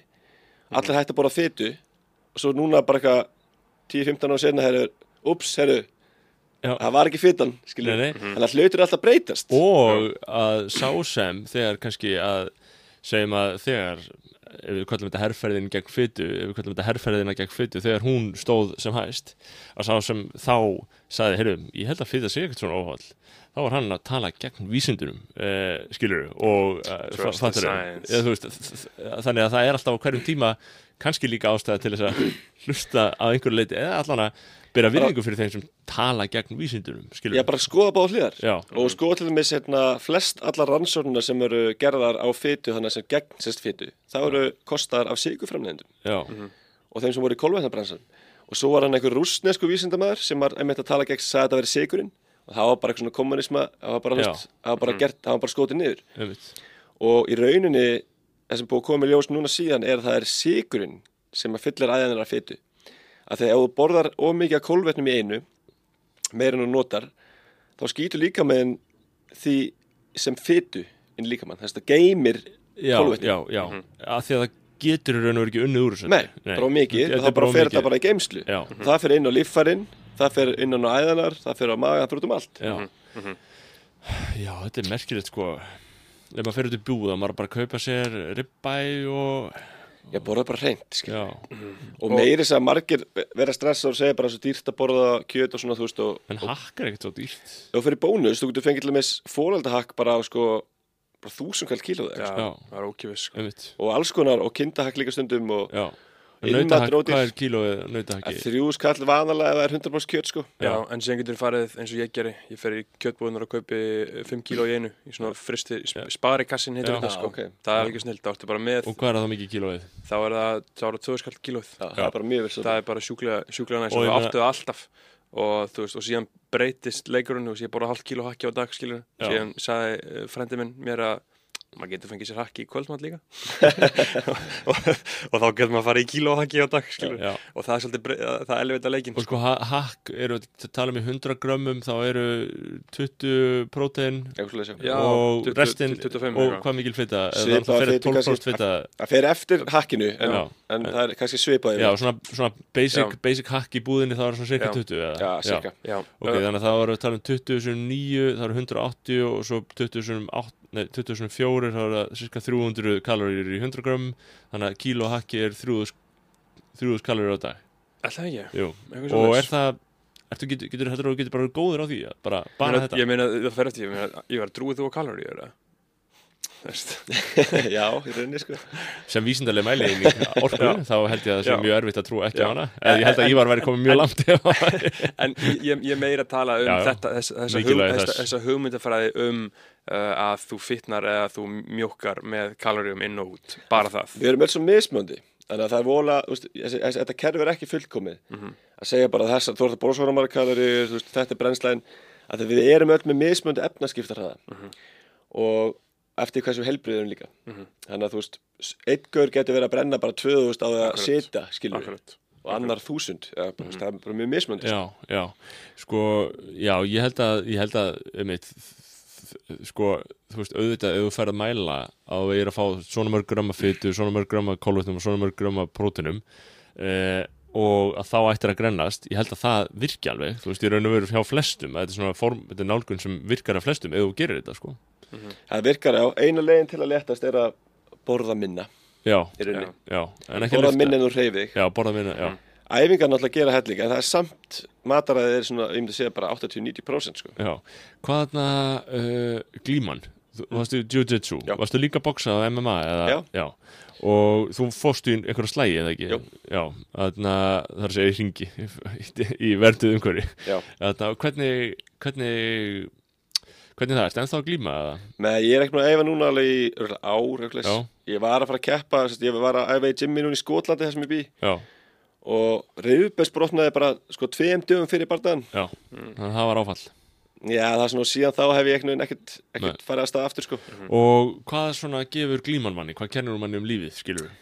Hún kennir manni allan fjandamæður og ég mæli með að bara, mæli með að allir fara í klími sko. Ég er um þetta að byrja í næstu viku, Já, ekki það- þú getur komið Þetta hjálpa manni líka bara að sko þetta styrkir hugan svo mikið að því leiti að þú sko að það verður auðveldra fyrir þig að e- díla við vandamál í dagstælu lífi að því að þú veist í glímunu þá ertu pinnaði niður þegar er haldið og þú, þú, veist, þú þarft að þú veist þú farið innlóknu kent skilur og þú þarft að hugsa og þarft að bregðast við í undir mikli pressu. Og þegar þú ert búin að æfa þetta smá tíma og erum góður í þessu þá ertu farin að geta hugsa hraðar og bröðist hraða við þegar það gerist skilur Já, Þannig að þú verður, þú verður, þú svona æfir þig, und, undirbúrið þig fyrir, fyrir áföll og fleira sko, myndi ég segja. Já, og, og, og skilur já, ég meina að því að slagsmál það er nú ekki upp það er ekki verið að tala mikið fyrir því okkar samfélagi að, að menn eigi að vera tilbúin að slást, skilur að því að svona ofbeldi hefur að mörguleiti verið útýst úr okkar daglegu lífi, það sér aldrei neitt ofbeldi og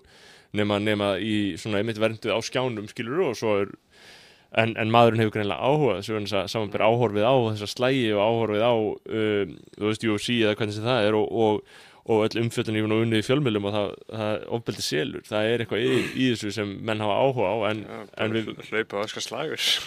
Slagur, Já. slagur það æsir hvert einasta mannsbarð það er, þetta er, þetta er svaka þetta er svolítið áhugaverð bara, viðreikn bara tveir gaurar í slag, skilur já, þetta er svolítið svakalegt. Og ég er alveg bara fín leið til að úkla málinn stundum sko. Já, er klálega, frekar en að, hérna, gera eitthvað annað sko. já, En, frekar hann að skiptast á rökum Já. skilur greinar á móti einmitt en þú veist, það er eitt sem er ekki alveg nógu mikið talað um samt í barða íþróttaheiminum, sérstaklega í bóksinu, eru höfuð áverkar. já, Og það er alveg algengan að maður heldur sko. Og það getur haft alvarlegar afleðingar og langt, langt aftur sko fram í tíman, mörgum árum senna. já Þannig að þú veist, Það er að segja að það er eitthvað sem dettur úr sambandi þarna og bara Já, bara þú far bara vegan heilaskaða og sérstaklega þú veist að menn er alltaf með, með grímu og með stóra hanska þá finnst mann með að vera vola örugur Já. já, en í rauninni, heilin er náttúrulega fljótandi inn í hausnum áður, Já. hann er að skella utan í veggina. Já. og það er ekkert það mikill munur fyrir heilan þú veist, upp á hvað hann hreyfist mikið að fá högg, þú veist, með grímu og ekki. Og þegar menn eru með grímu þá eru þeir kannski að taka við fleiri höggum og finnst þeir vera örugari sko. Þannig að það er eitthvað svona, þú veist, ég er svona allan að búin að minka mjög mikið, svona setna árum var, þú veist, boxið og svona svoleiðstótt, sko. en, en getur maður samt ekki eftir box, þú veist, alveg þess að vera að láta mikið að kýla sig í andlitið, Jú, jú, þá sleppur ég bara að sparra, sko. Já, Uh, en þetta er alveg sérlega uh, barbarist sko. ég fór um þetta á Icebox uh, síðustu helgi sko. já, uh, íslenska boxbarda og þar, sko, þar kemstu í stemmingu sem þú kemst hverki nokkur bara, þú getur ekki, getur ekki farið í þetta næsta næsta fyrsta lagi er allir gangstæra landsins á, á svæðinu skilur, þetta er bara hús hú skilur, þú lappar um og séð bara menn sem þú sér ekki næsta næsta uh, og síðan þegar kemur góða bardagi eins og ég var upp í stúku uh, það var strákur sem heitir Íbrahim og var að keppa og var upp í stúku með öllum vinum hans. Bara allir, bara, það voru 40 görur bara allir vinur hans. Og hann var að vinna skilur, þú veist, og þið getið ímyndið ykkur stemminguna. Og múg æsingin sem að myndast, það sem að menn eru að öskra og kýla og stappa og öskra bara íbra, íbra. Og menn vilja svo bló skilur, Þetta eru öllum menningum, bara út um allan heim, Já. hefur alltaf verið einhvers konar svona íþrótt, sko. Einhvers vilt konar keppni, glíma, box, eitthvað. já, og þetta verður svona me- mest primitiv einmitt í nefar í andlit upp á líf og döða Og það flott sjó hann, þetta Icebox sjó. Þetta er er svona sko. alvöru, alvöru sjó, sko. já, þetta er algjör snild sko, Já. rappar að lappa inn með þeim er bara Boxi hefur alltaf verið hálf lúðulegt á Íslandi, sko. Já. Alltaf svona, þú veist, þetta er aldrei verið eitthvað svona þeng að fara á, skilur. Þetta sjó er alveg bara, Þetta er rosalegt sko, Sko, það, sko. það, það er kynnir og það er bara, það, það er stemming sko. Já, og það er náttúrulega svo mikilvægt í þessu er að sko, þú veist, ef að spektakólið á að skilur, skila tilættum árangri þá þarf að leggja í aðra þætti en bara bardan á milli þessar þætti, mm -hmm. raun og veru er, ætla ekki að segja hann sé aukaðatrið en þú veist, hann er bara eins og hann er. En skilur restin er umgjörðin og bara eins og UFC skilur þú veist, það ertu bara það ertu bara búin að búa til maskinu bara í kringum eitthvað svona kynna, bara kringum gauður eins og Joe Rogan, síðan ertu með þú veist, bara Dana White sem er bara, þú veist algjörmeistari, skilur og, og þú veist, það er svona þetta er eitthvað svona, einmitt eins og þú segir gangsterar koma þarna, þetta er eitthvað Já. svona umhverfi sem, þú veist sem er ekki þjáð af sömu ömurlu humdafræði og restina samfélaginu sko. Nei, einmitt, einmitt. Uh, en sko, þannig að við náum að uh, binda þetta saman inna hjá okkur, þá erum við að tala um það, skilabóð þáttarins og skilabóð lífsins, skilur, er þú verður að bora reynd til þess að, til þess að líða vel. Og það eru svolítið einfalda við til þess að bora reynd, það er bara eitt, skilur, það, það er sætkartefla, það er nautahakk eða það er egg eða það er, ég meina smjör fellur undir þetta ekki. Jú, bara allt sem er með veist, einu, kannski tveimur veist, ef það stendur eitthvað meir en bara smjör og salt já, það er eitthvað svona rebjólja, eða Já. þetta, þetta, þá bara ekki, það. ekki, ekki séns. Allt sem er með löngum lista er ekki Já, Nei. Einmitt, uh, en þá spyr ég líka uh, persónulegra spurningar uh, fyrir sjálf mig af því að ég er að borða mjög, aðna, mjög reynd og er að fókusera mjög mikið á þetta og síðan koma moment það sem maður er svona fuck it maður við erum út að borða á ekki bara eitthvað ekki að pæla uh, hvað er í þessu skilur, og vera með, vera þjóðfélagstegn skilur, með venjulegu fólki brosa og hlæja og borða matið sinn skilur uh, hvað hefur hvað, hvað áhrif hafa svona uh, inngrip, svona ógeðs inngrip hér og þar á mann? Þarf klínið að vera reynt strík endalust eða, eða er allt í lagi að eitra fyrir sér milli? Og ég, ég er ekki að tala um að eitra fyrir sér að fara á KFC að fá sér 25 vangi og singar twister og bara virkilega refsa sér heldur svona mikrodósa eitrið í einhverju svona Náttúrulega því minna því betra, skilur Já. Það sjálfsög. Og hver eitt hann bara meta hvað hann veist, vill gera við sinn líkama. En persónulega veist, Mhm. kemur alveg einstaka sinnum fyrir að ég gera eitthvað svona, skilur Mhm. Það kemur alveg fyrir. Þú veist, ég fekk með kökusnið um daginn hérna í ammali, hjá ömmu, vingu, hérna, ömmu hérna kærustunum minnar. Og þú veist, en ég, það sem ég reyna að gera ef ég frútt að borða er að velja bara svona skinsanlegasta á matselinu. Ég reyna að velja eitthvað sem er svona, er gott, Mhm. en er samt ekkert eitthvað butt, skilur maður þarf alltaf líka að venja sig af því sko, mér finnst það örgulega stærsta áskorun í þessu er að venja sig af því að halda að það sé gott að fá sér. Þessa hluti, skilur maður er eitthvað svona, ok, ef ég á að vera en að veitingastað og fá bara fisk dagsins á meðan allir eru bara að fá sér, skilur hambúrgara Mhm. Já. og djústættan hambúrgara, Þetta, er bara eins og uh, overfyrirsetnunar segja sko, nothing tastes as good as skinny feels maður bara minna sig á það sko. En ég held að það sé líka bara eins og þetta er bara hversu langt viltu ganga og því minna því betra. Já, Og með þetta allt, þú veist, bara borða hreint, kaupa þið föt sem er ekki plasti, þú veist, bómull og allt þetta dót sem er bara náttúrulega efni. um, náttúrulega sofa, fó, veist, þú veist, maður þarf að hérna, huga svefninum, ekki vera að hangi símanum upp í rúmi, þú veist, reyna að limita veist, mikið ljós á kvöldi til dæmis. Og til að stilla að líkasklökuna og, hérna, og borða hreina mat.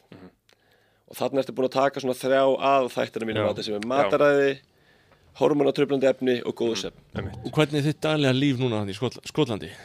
Herru, það er bara mjög ljúft. Já. Skotland er alveg indislegt land. Já, þetta er náttúrulega svolítið skilt Íslandi, þetta er ekkert ósvipið eiga með, veistu það, sko skoska það er svona s- slang eða svona, svona slangur eru í Skotlandi eru bara íslenska Já, þeir segja hús, það er hús, þeir segja heim já, þeir segja brún, þeir segja börn veit og sko ég var alltaf að fara að skrifa þetta niður um daginn bara að gera bók af því að sko, ég á komin upp í 100 orðnasti Já, sem er sko nákvæmleins. Já, þetta er náttúrulega sko að því að uh, Íslendingar tóku slatta þrælum þarna það er uh, ekki stutt að fara. Já, þetta er mjög stutt frá Íslandi. Já, en punkturinn er sko að gena, gena mengi Íslendinga er bara mjög miklu leiti þrælar þaðan sko. Já, ég Og- held að við séum miklu, miklu skildari þessu fólki, heldur til með stöðnum og normannum Já, og ég finna líka bara, þú veist, að Íslandingar heita skota, það er alltaf geðið gaman. Já, en þegar heiti Dana, þá svona, Já, mm, já Oft það, er svolítið eitthvað, þurrt. eitthvað tengingaleysi sko. það er eitthvað svona, ég finn tengingu, við veit alveg 100%. og, og hvað gerir þú daginn? Hvað, Ég er að setja að reyka fyrirtæki úti Já. og er að selja heilsölu hérna, gróðursabúnað,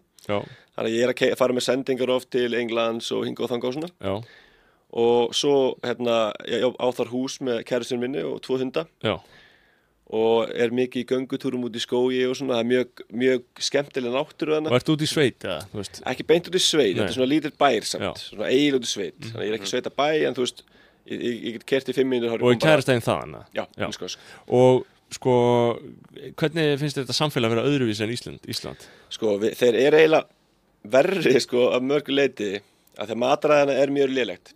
Já, Það eru svona svona chip shops á hverju einasta hotni sem er svona djúbstektu fiskur og þeir djúbstekja mars, þeir djúbstekja pizzur, þeir djúbstekja allt sko. Þú getur fengið heila pizzu bara að dippa í batter og, og djúbstekta sko. hljóma vel lemari friðin, sko. Þetta, þetta er gott skilur en þetta er bara, þú veist, guð mig góður. En, og maður sér að allir eru svolítið yfirþyngd, þú veist, með þess að börnin og fólk er mjög sparsamt, kaupir alltaf ódýrasta. En á sama tíma eins og bara Tesco sem bara eins og hagkaup þú veist, það getur fengið bara all lífrænt án efna, getur fengið bacon án efna getur fengið lífræna kjúkling. Þú veist, þú getur fengið ógeðslega klín og gott hráefni í, í UK okay. já, það er mjög auðvelt að fá allt þú veist, bara beint frá bónda, ég get kert bara í, í 20 mínútur, þá getur við náðum bara í mjólk og osta og allt bara, þú veist, svona stór ostykki bara ákveð neitt pening, skilur já, alveg klín, já. Og þannig að það er mjög næs en, var- ertu ekki líka eitthvað að fykta í hampi og CBD og svona? Jú, hérna á Íslandi er ég sem sagt að rækta hamp. Já, og er sem sagt uh, yfir, eða, sem sagt, ég er ræktun og stjóri hjá Gautavíkur hampi sem Já. er sem sagt hérna uh, hampmerki uh, sem við erum að vinna með Pálma Einarsinni og Otni Mhm. í Gautavík. þannig að þú bara, þið eru bara býðið eftir að þetta sé löglegt og þá bara að rampa þetta upp og fara í... Já, við erum náttúrulega bara, við erum svolítið á því að að THC eigi að vera löglegt í lækningaskinni Já, og það sé eiginlega bara della að sé það ekki. Og eins með CBD-ið, það er ekki búið að leifa sem nýfæði ennþá. Í rauninni má bara nota það sem snirtivöru, sem er líka alveg fárlegt. Það eru alveg augljósir kostir og alveg endalösta fólki sem er, hérna, hérna, sem er að hljóta gott af notkun CBD já, er það að virka? Já, fyrir Já. mjög marga. Ég hef stundum, við, maður tók þetta og maður var svona aðeins...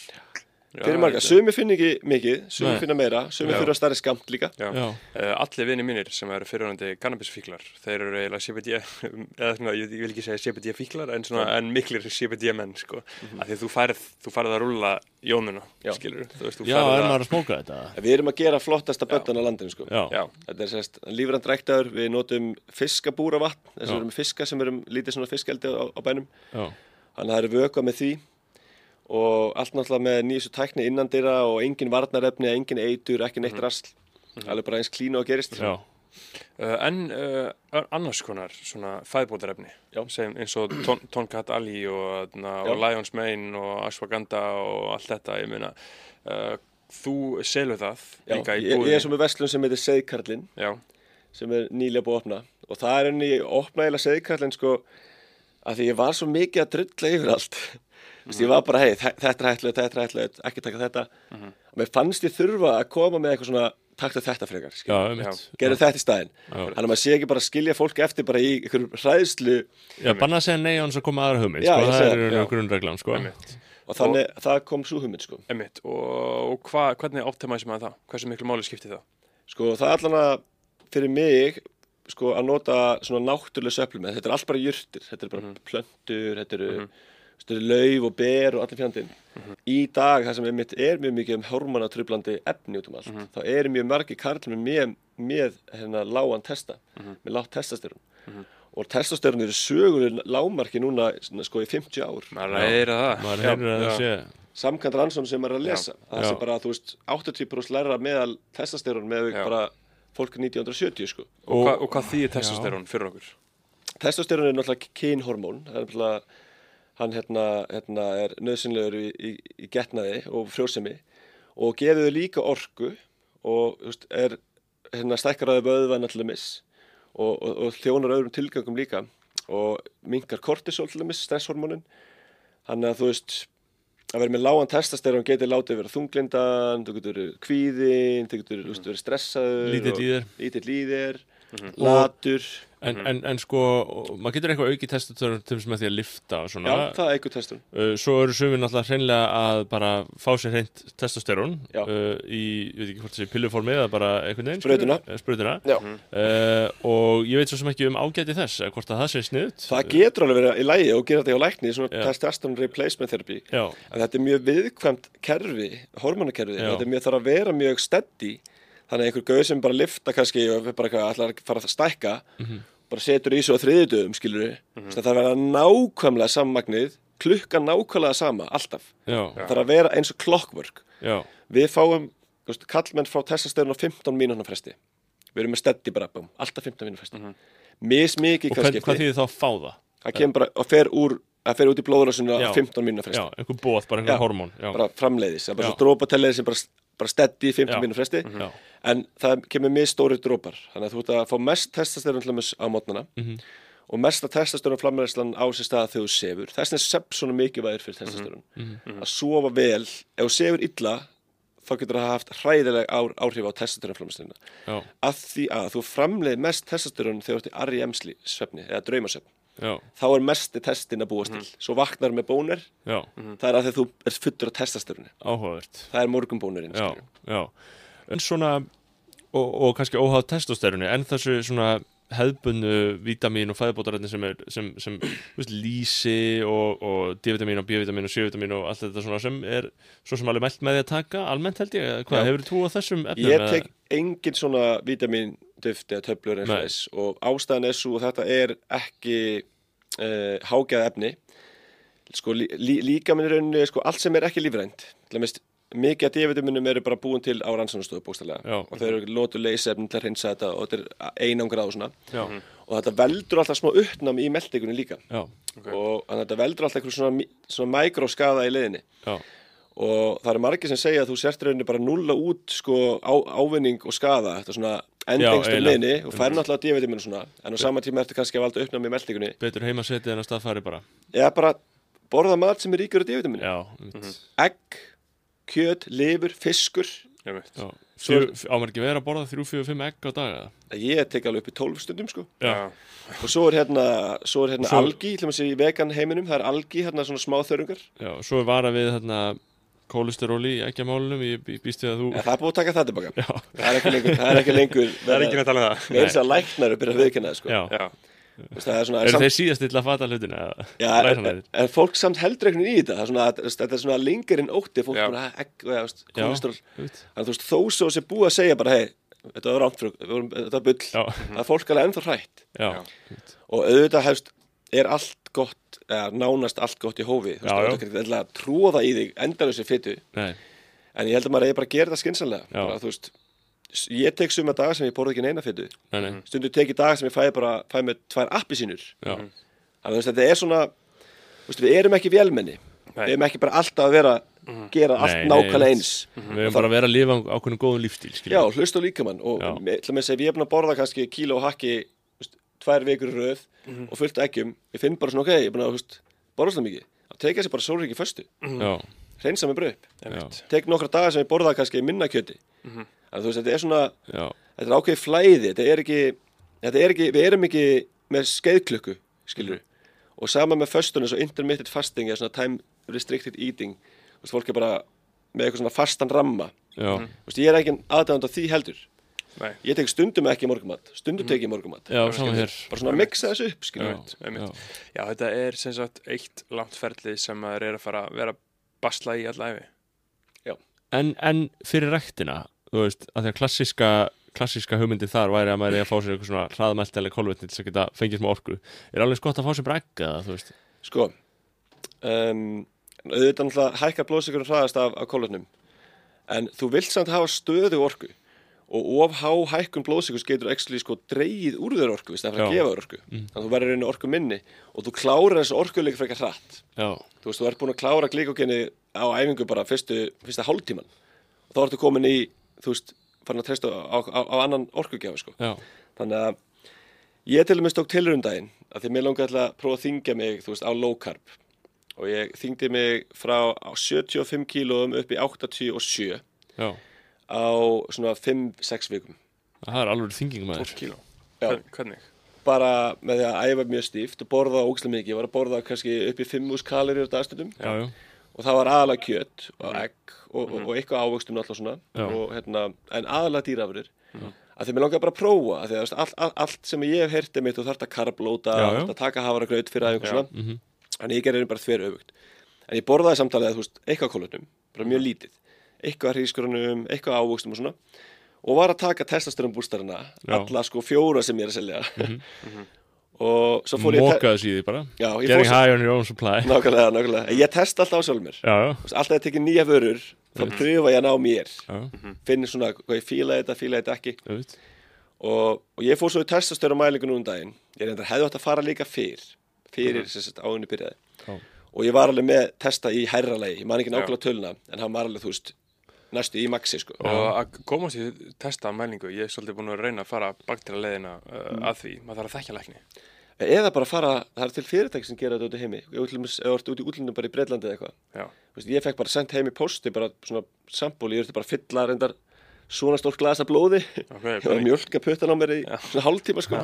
það er ákveði ferli. Já, og svo sendur það bara í postið tilbaka sko.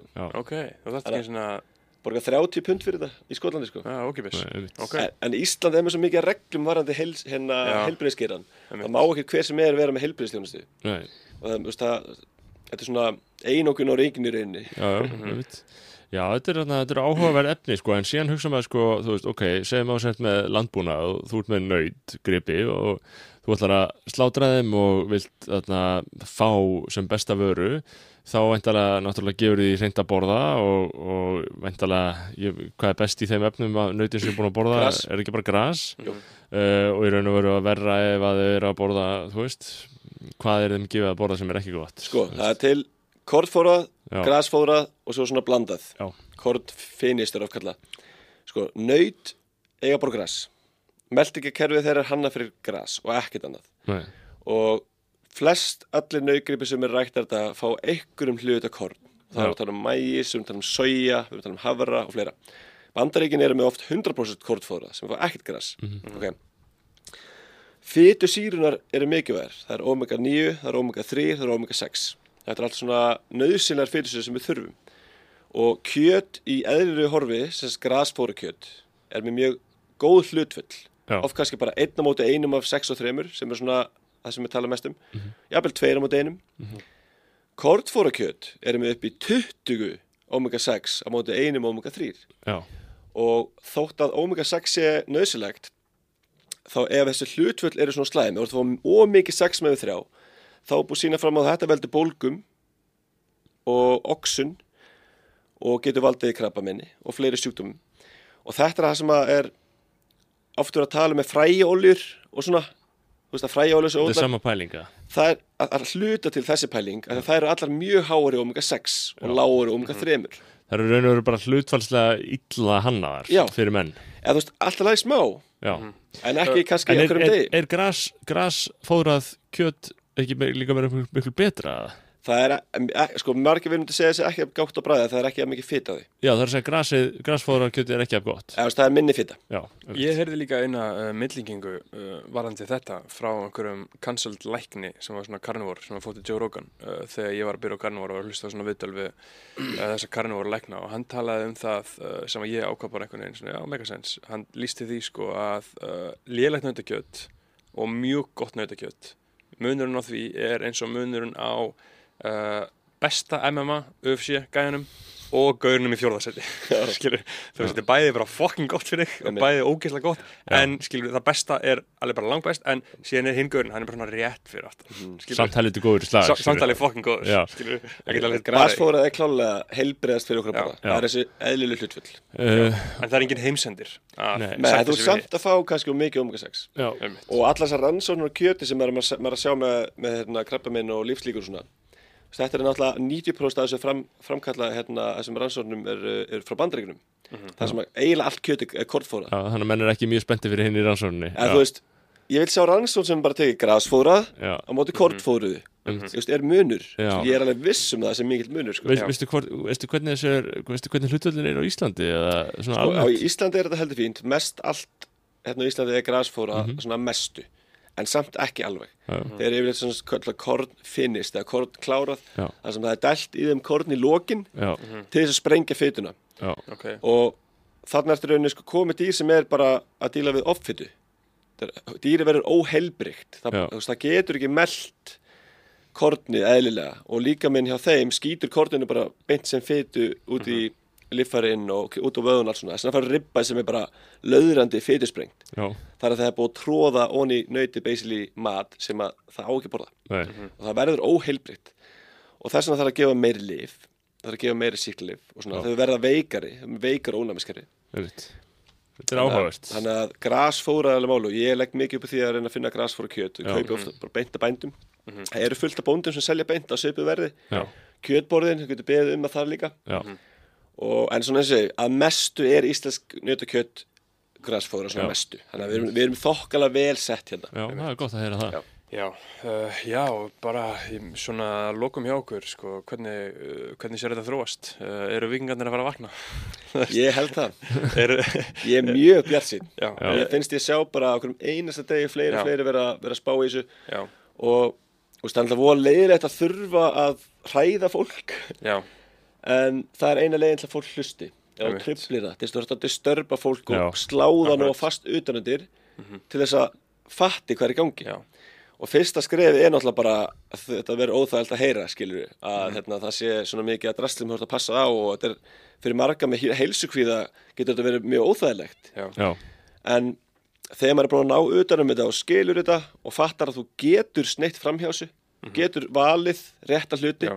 þá er þetta ekkert svo flóki nei, og þannig að ég er mjög bjart sín á það að þetta sé það sem er að fara að gerast.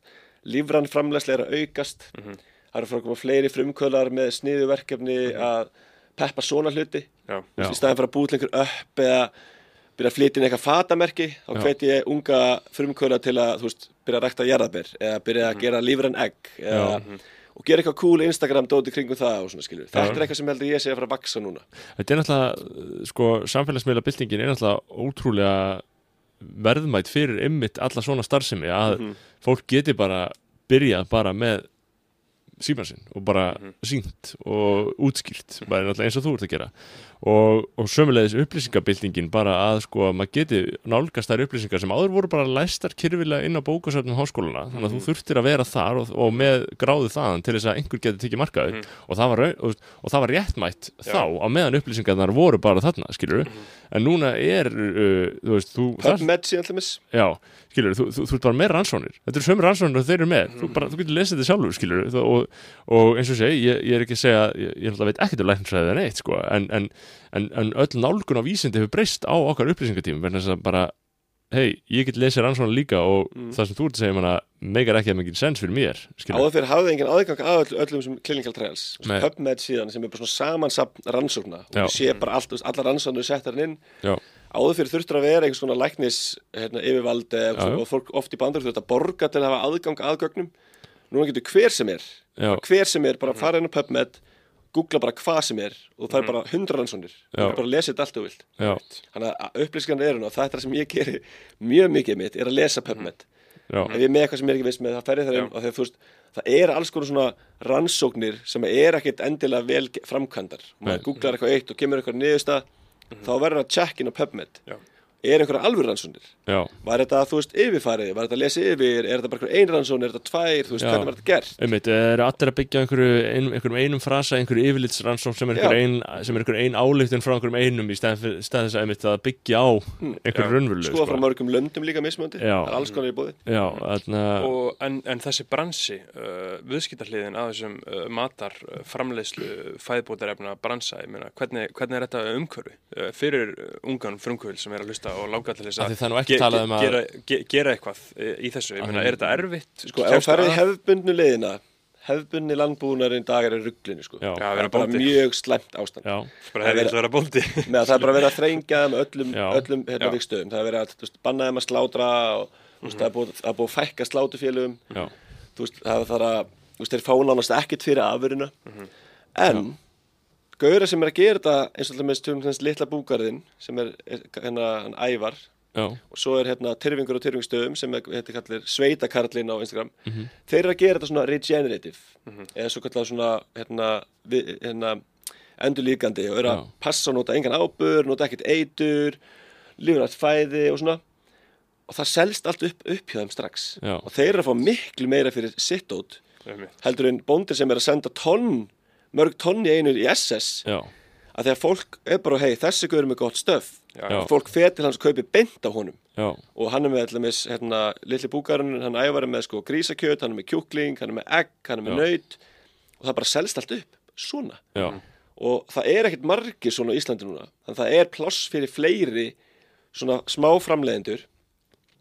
Til að með bútir, skinkur, a- osta, allt þetta dót. Já, og allt svona hreint og clean og lífrænt og svona, það er so hot right now. Já, það er að selja sko. Já, Já, já, Já, já, já, ma- og auðvitað vill maður það auðvitað vill maður bara, heyrðu, bara uh, skepna, borða eitthvað gott við slátur minni, hendum við svo grillið. Og Þetta er bara örf, örfá skref. Og borgar það sama líka kannski út í búð. Þegar út í hagkaup fyrir að kaupir hérna SS eitthvað. Og það er búið að fara í gegnum SS SS tekur um meilhutin af pinnum eða hvernig sem er. Svo náttúrulega þarf búðin að fá eitthvað. Já, og bóndi fær bara hluta. Já, en þú kaupir að beinta bóndunum að svipu verði út í búð. Já. bóndi fær allt, og líka skilur auðvitað auðvitað á bara hluti af, af því að þá hugsa maður um skilur flutningin og hvað er ekki, það er ekki það að fara bara að kaupa fullkomulega stærð skamt út í búð eitthvað svona bara beint þetta vinnu skilur Mm. en auðvitað á maður að líta bara, heyrðu ferðalag, tökja klukkutum að akstur einhverstur út að landa að sækja mat það er bara á bara kannski að vera eða hluti af skilur lífi fólks bara maður að, ekki sendilega ekki bústi. Já, eða senda bara beint heim sko. Þarna, ég er bara með stóra fristikistu og ég fyll hana bara. Þú veist, ég Já. á bara alltaf til.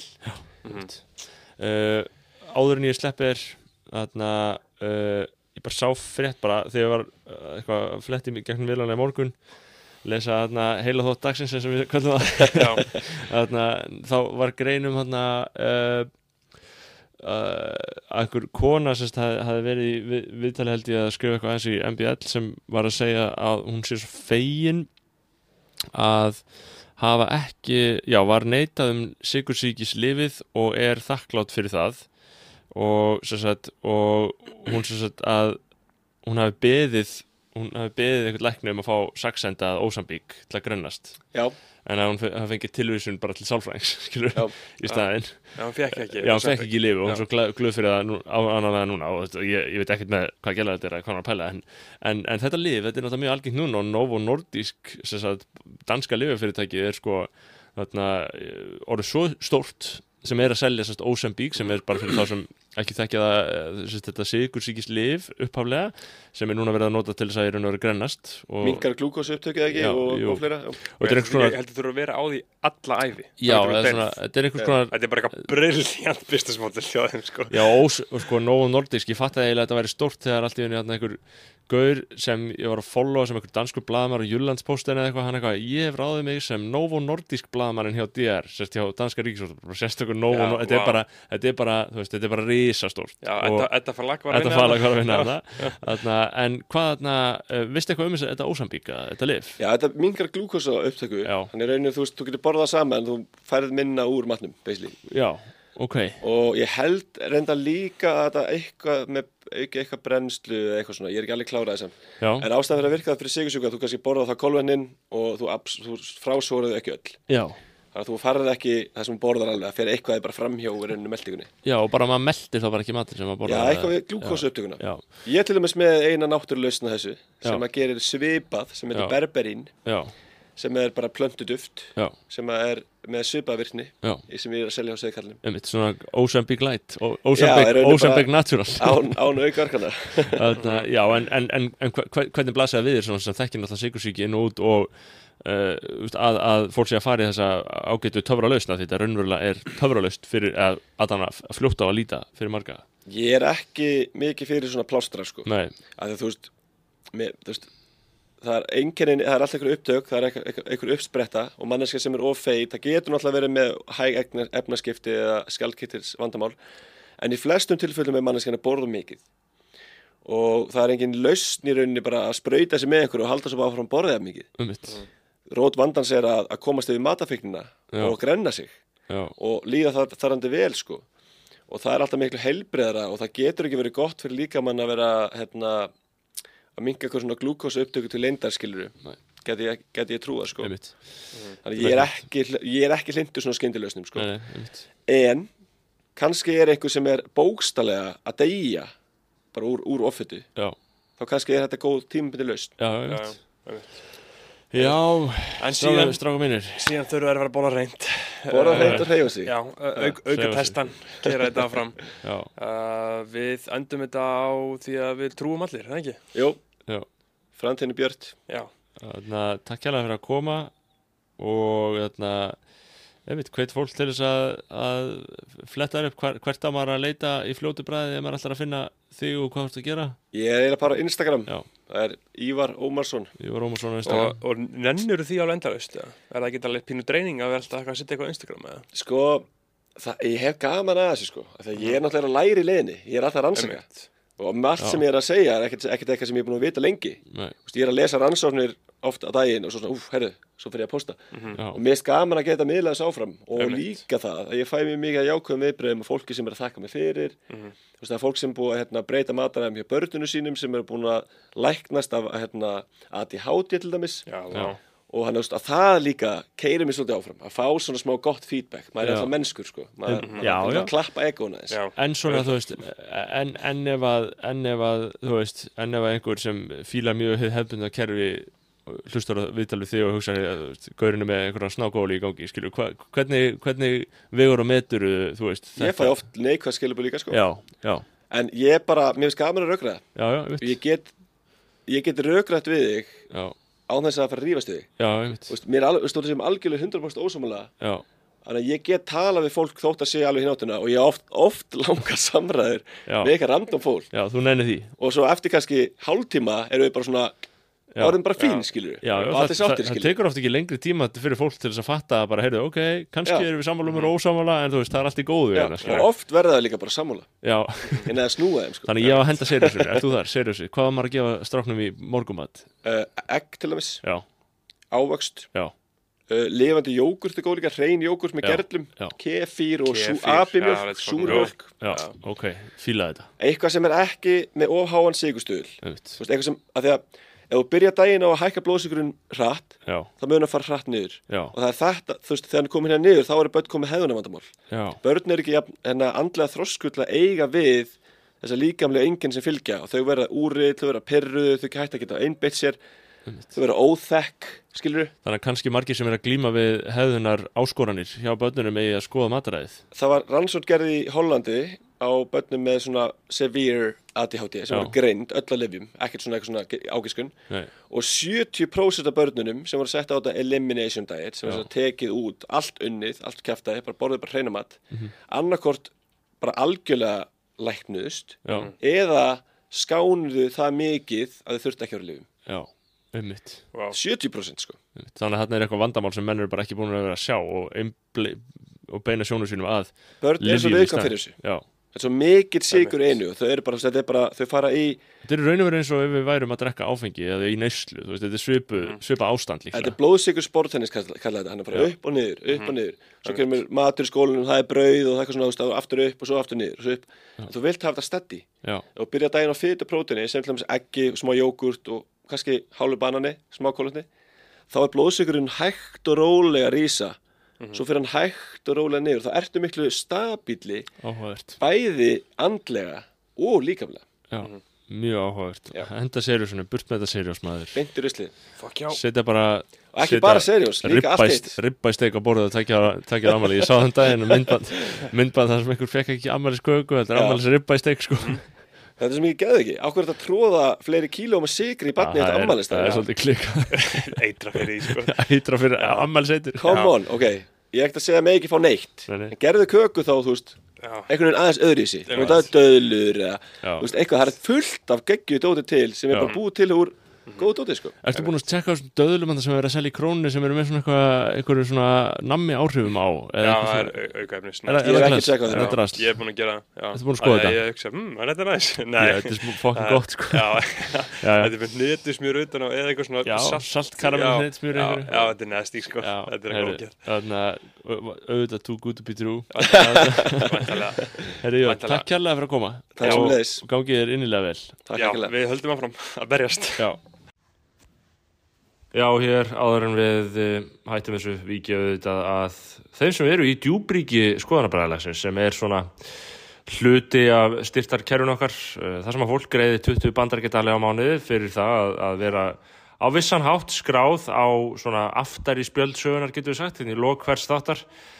Eh, Þar eru Davíð Klásen Pétursson, Leon Snorrason, Hartmann Felix, Arnar Knútsson, Mikael Ernusson, Mikael, Róbert Bernhard Gíslason, Daniel Ólafsson, Brynjar Magnússon, Jakob Gísli Þórhalsson, Hinrik Jónsson Pálmi, Huldumæðurinn Mikli mælir með 20 dollara áskrift segir einhver, Sindri Dagur Birninsson, Ragnæður King, Kristjónsdóttir, Jökull Auðinsson, Gauti, Brynjar Guðmundsson, Björn Rósmann Hreinsson og Brynjar Þorri Magnússon.